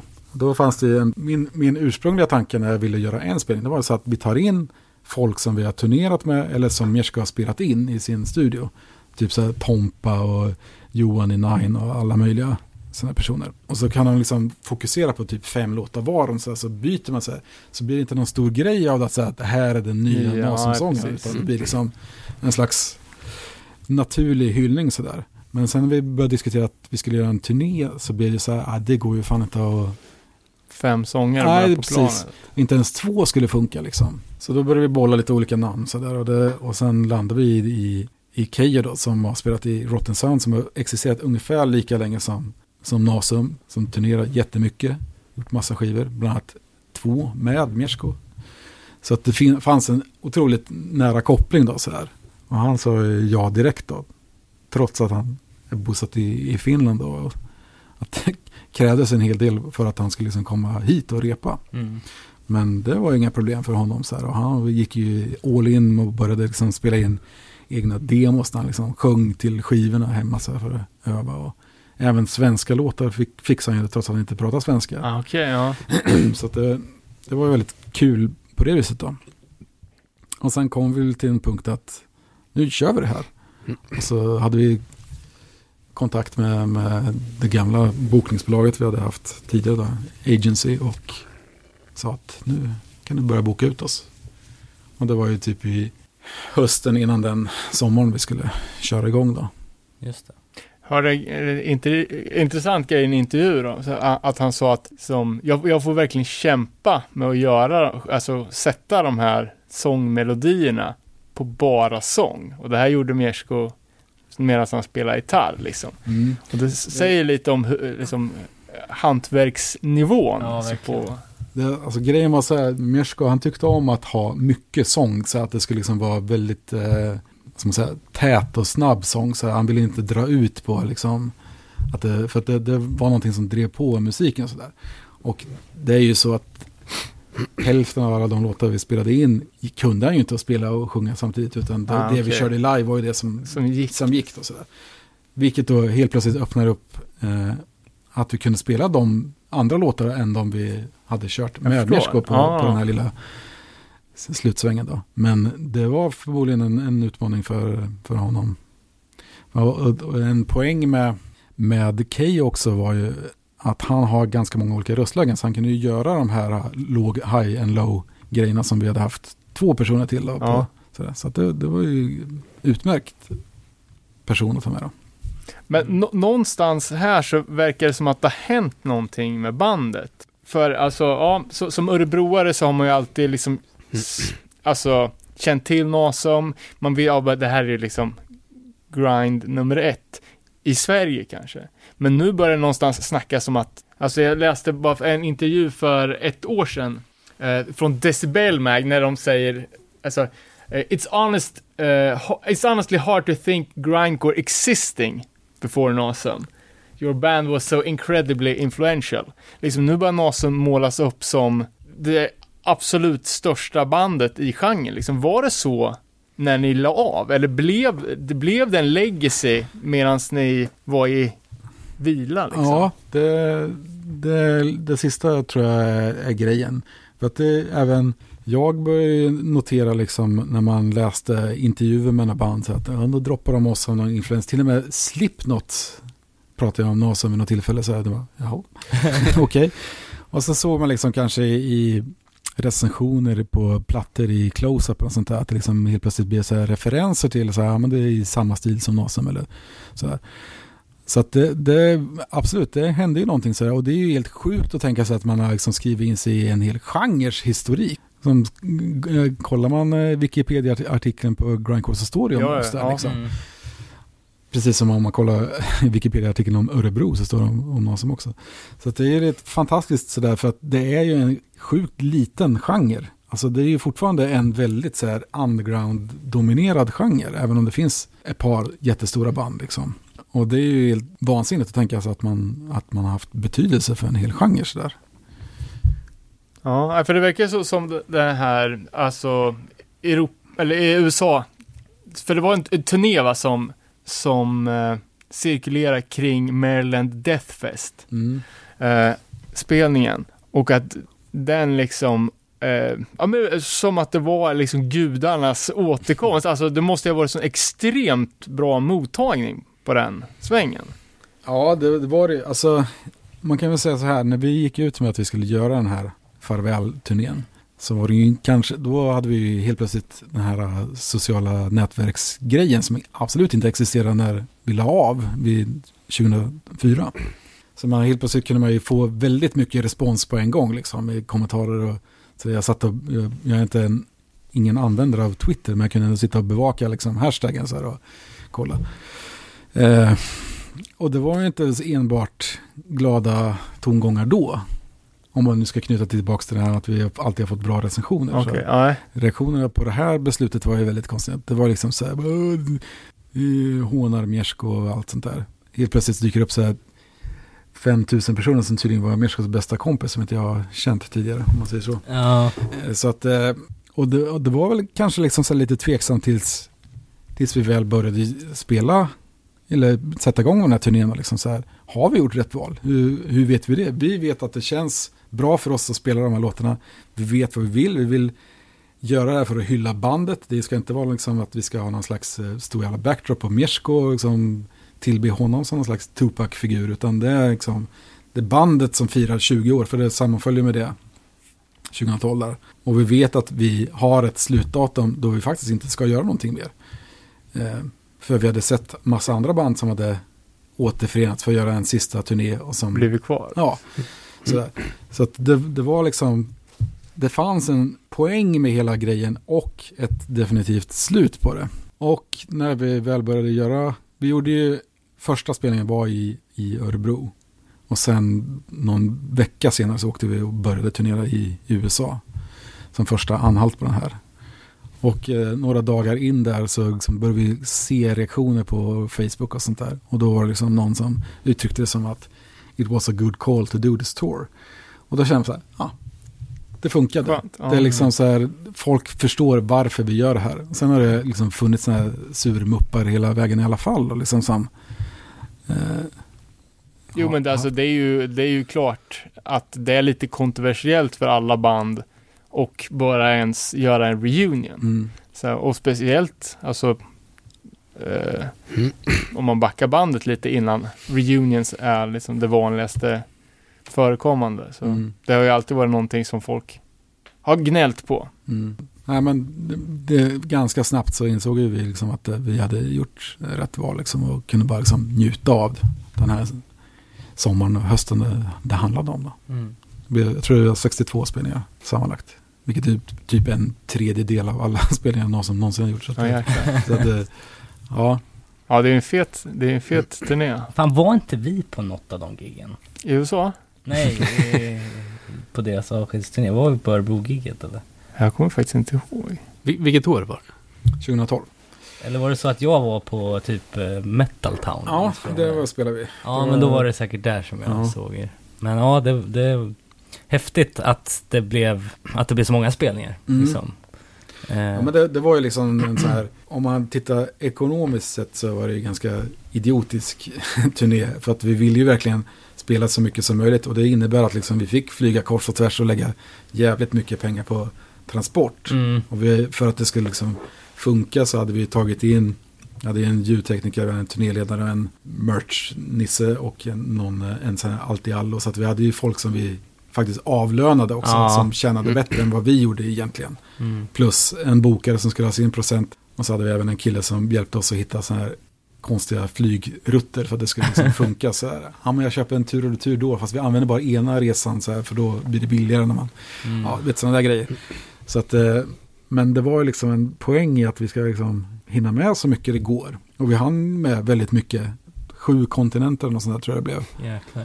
Var i Australien och Nya Zeeland som vi aldrig hade varit i förut. Då. Och lite Asien. Det sjukaste var ju att spela i Thailand. Det kändes ju väldigt märkligt. Men eh, det funkade det också. Vad var det som var så speciellt med, med den spelningen? Ja, det, det, framförallt är det ju för att Mirsko dog i Thailand. Ja. Liksom, det är liksom så här att Thailand har liksom fått kanske en ganska så här negativ betydelse Mm, för mig. Och mm. många så här. Men det var liksom inte, Thailand gick ju inte, det var ju inte Thailand som mördade Mirsko på något sätt. Det liksom var Nej, ju exakt. Naturen som skedde. Så. Men eh, vi var ju då ja, sammanlagt 13 timmar i Thailand innan vi flög vidare. Så Mm. det blir så här, ja, de har varit där också. Ja, Så, mm. Men hade ni någon tanke på, på just Thailand när ni satte turnéplanen att ni skulle dit just därför? Nej, det jag tror jag var liksom att det blev ett stopp på väg till Ja. Japan, eller Australien skulle vi till först då. Så att det var liksom, det var, det var ganska fränt. Det var ju en, jag tror vi gjorde fyra kontinenter på två veckor. Började med Iperfest i Belgien? Ja, och sen liksom vidare till Thailand och sen Australien, Nya Zeeland och sen Japan mot slutet. Ja, det är Vi mäktigt. bytte så här tidszon varje dag. I, bara i Australien har de så här fem tidszoner. Bland annat en där de bara flyttar ett halvtimme. Liksom. Det är jävligt konstigt. Så det, var, det var en väldigt påfrestande turné sådär. Mycket flyg och... Jetlag. Ja, så här väldigt knepigt sådär. Men det var ju också jävligt kul samtidigt. mm, förstår det. Det var liksom på en sån nivå där det var drägligt att uh, allting, det var liksom inte squats liksom. Eller i och för sig det var några squats också. Men, Ja, men det var inte lä- alltså det går ju inte att göra en turné 63-datorn på alltså, lägsta punkstandard. Då, Nej. då kommer man ju aldrig hem. nej, precis. Så du skulle säga att då är man ju catharsis. Ja. Om man inte använder bil på sin... Eh, ja, kul också att se. Jag vet inte om det är så, men jag vill tro det. Att eh, de som ligger bakom Maryland Death Fest är väl de som nu ligger bakom Scandinavian Death Fest. Eller? Mm, precis. Eh, Dismember gör reunion här. Med sin o- nästan originalsättning. Ja. Ja, Mm. eh, det är ju lite kul. Ja, eh, nej, men vi pratade lite om reunion-turnén här, Nasum, och den tog slut eh, hösten 2012, eller fortgick den ända in på 2013? Nej, det var i oktober tror jag. 6 oktober om jag inte minns fel. Och vart gjorde ni sista spelningen? På Debaser Medis. Gratis. Alltså vi tog ingen entré. Nej, okej. Så det var kö fem timmar innan. Jäklar, Ja. ja, det var häftigt. det. Var det något som eh, dokumenterades också? Ja, det, vi har spelat in den. Eh, och vi har gjort en, en konsertfilm kan man säga. Som består av den sista spelningen och intervjuer som vi spelade in några år, något år senare. En dansk regissör som eh, ligger bakom den här. Och den här har vi visat lite här och där. Bland annat nu senast i somras på, på Obscene Extreme-festivalen i Tjeckien. Ah, okej. Och det finns en liten plan att ge ut den här i framtiden. Eh, Så det är någonting som jag jobbar på, eller som vi jobbar på. Spännande. Och jag kan tänka mig att just Obscene Extreme är lite av ett vattenhål också för eh, den eh, ja, nutida och kommande generationen av band liksom. Eh, för det är väl E- Europas största grindfestival? eller? Av alla Eller miljarder som finns. ja, jo, det, det är absolut är det. De firade ju 20 år, 20-årsjubileum nu i somras då. Så ja, det är ganska härligt ställe om man eh, har oömma-kläder på sig. Mm. Ja, jag har ju sett eh, eh, videosarna från den festivalen. Det ser onekligen stökigt ut. Eh, men också kul. Stökigt, stökigt på ett snällt sätt ska man Ja. säga. Ja men exakt. Ehm, och eh, ni medlemmar i bandet då. Eh, vi pratade tidigare om Victims som, som Jon spelar i. Eh, men du har också gått vidare med några egna projekt, bland Mm. annat Axis of Despair. Mm. Eh, hur, eh, hur kom det här projektet till? Ja, eh, det kan man väl säga att det började ef- efter eh, Nasum gick i graven så eh, tog det ett tag innan jag började med musik igen. Liksom. Det Mm. tog ungefär ett år innan jag liksom orkade röra instrumentet sådär. Men då, under den tiden så hade jag byggt upp någon slags kommunikation via en blogg jag hade på eh, Nasum hemsidan. Sådär. Så då gjorde jag helt enkelt bara en sökning efter folk att spela med.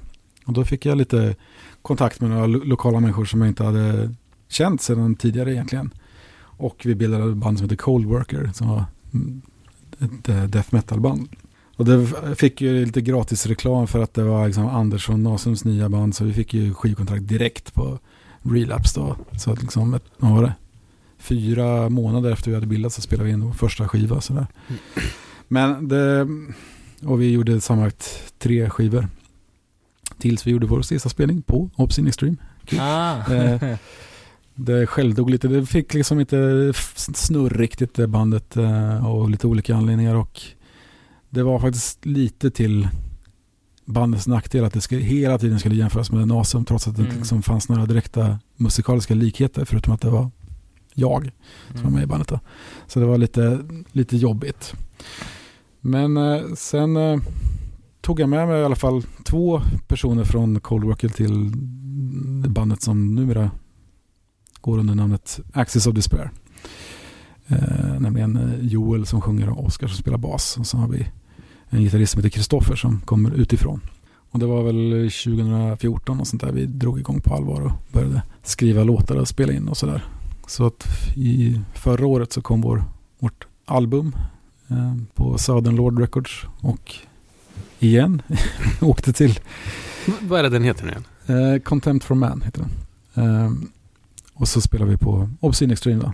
Jag har spelat där med tre olika band, det är lite kul. Eh, så ja, det är det bandet jag sysselsätter mig med som mest nu då. Och hur skulle du Men beskriva? det är mer grind, eller hur? Ja, jo det är ett grindcore-band. Så att eh, där är ju likheterna med, med Nasen betydligt större. Men jag mm, tycker väl ändå att det är liksom något eget också. Jag är ingen eh, grind-konnässör, men jag måste säga att jag tyckte att det lät jävligt bra. också nä- nästan lite det här eh, catchy grind-tänket som, som Nasum eh, bemästrade verkligen. Jo, men det, det ligger väl någonting i det att om man nu ska göra som i det här fallet, det är 20 låtar på den här skivan.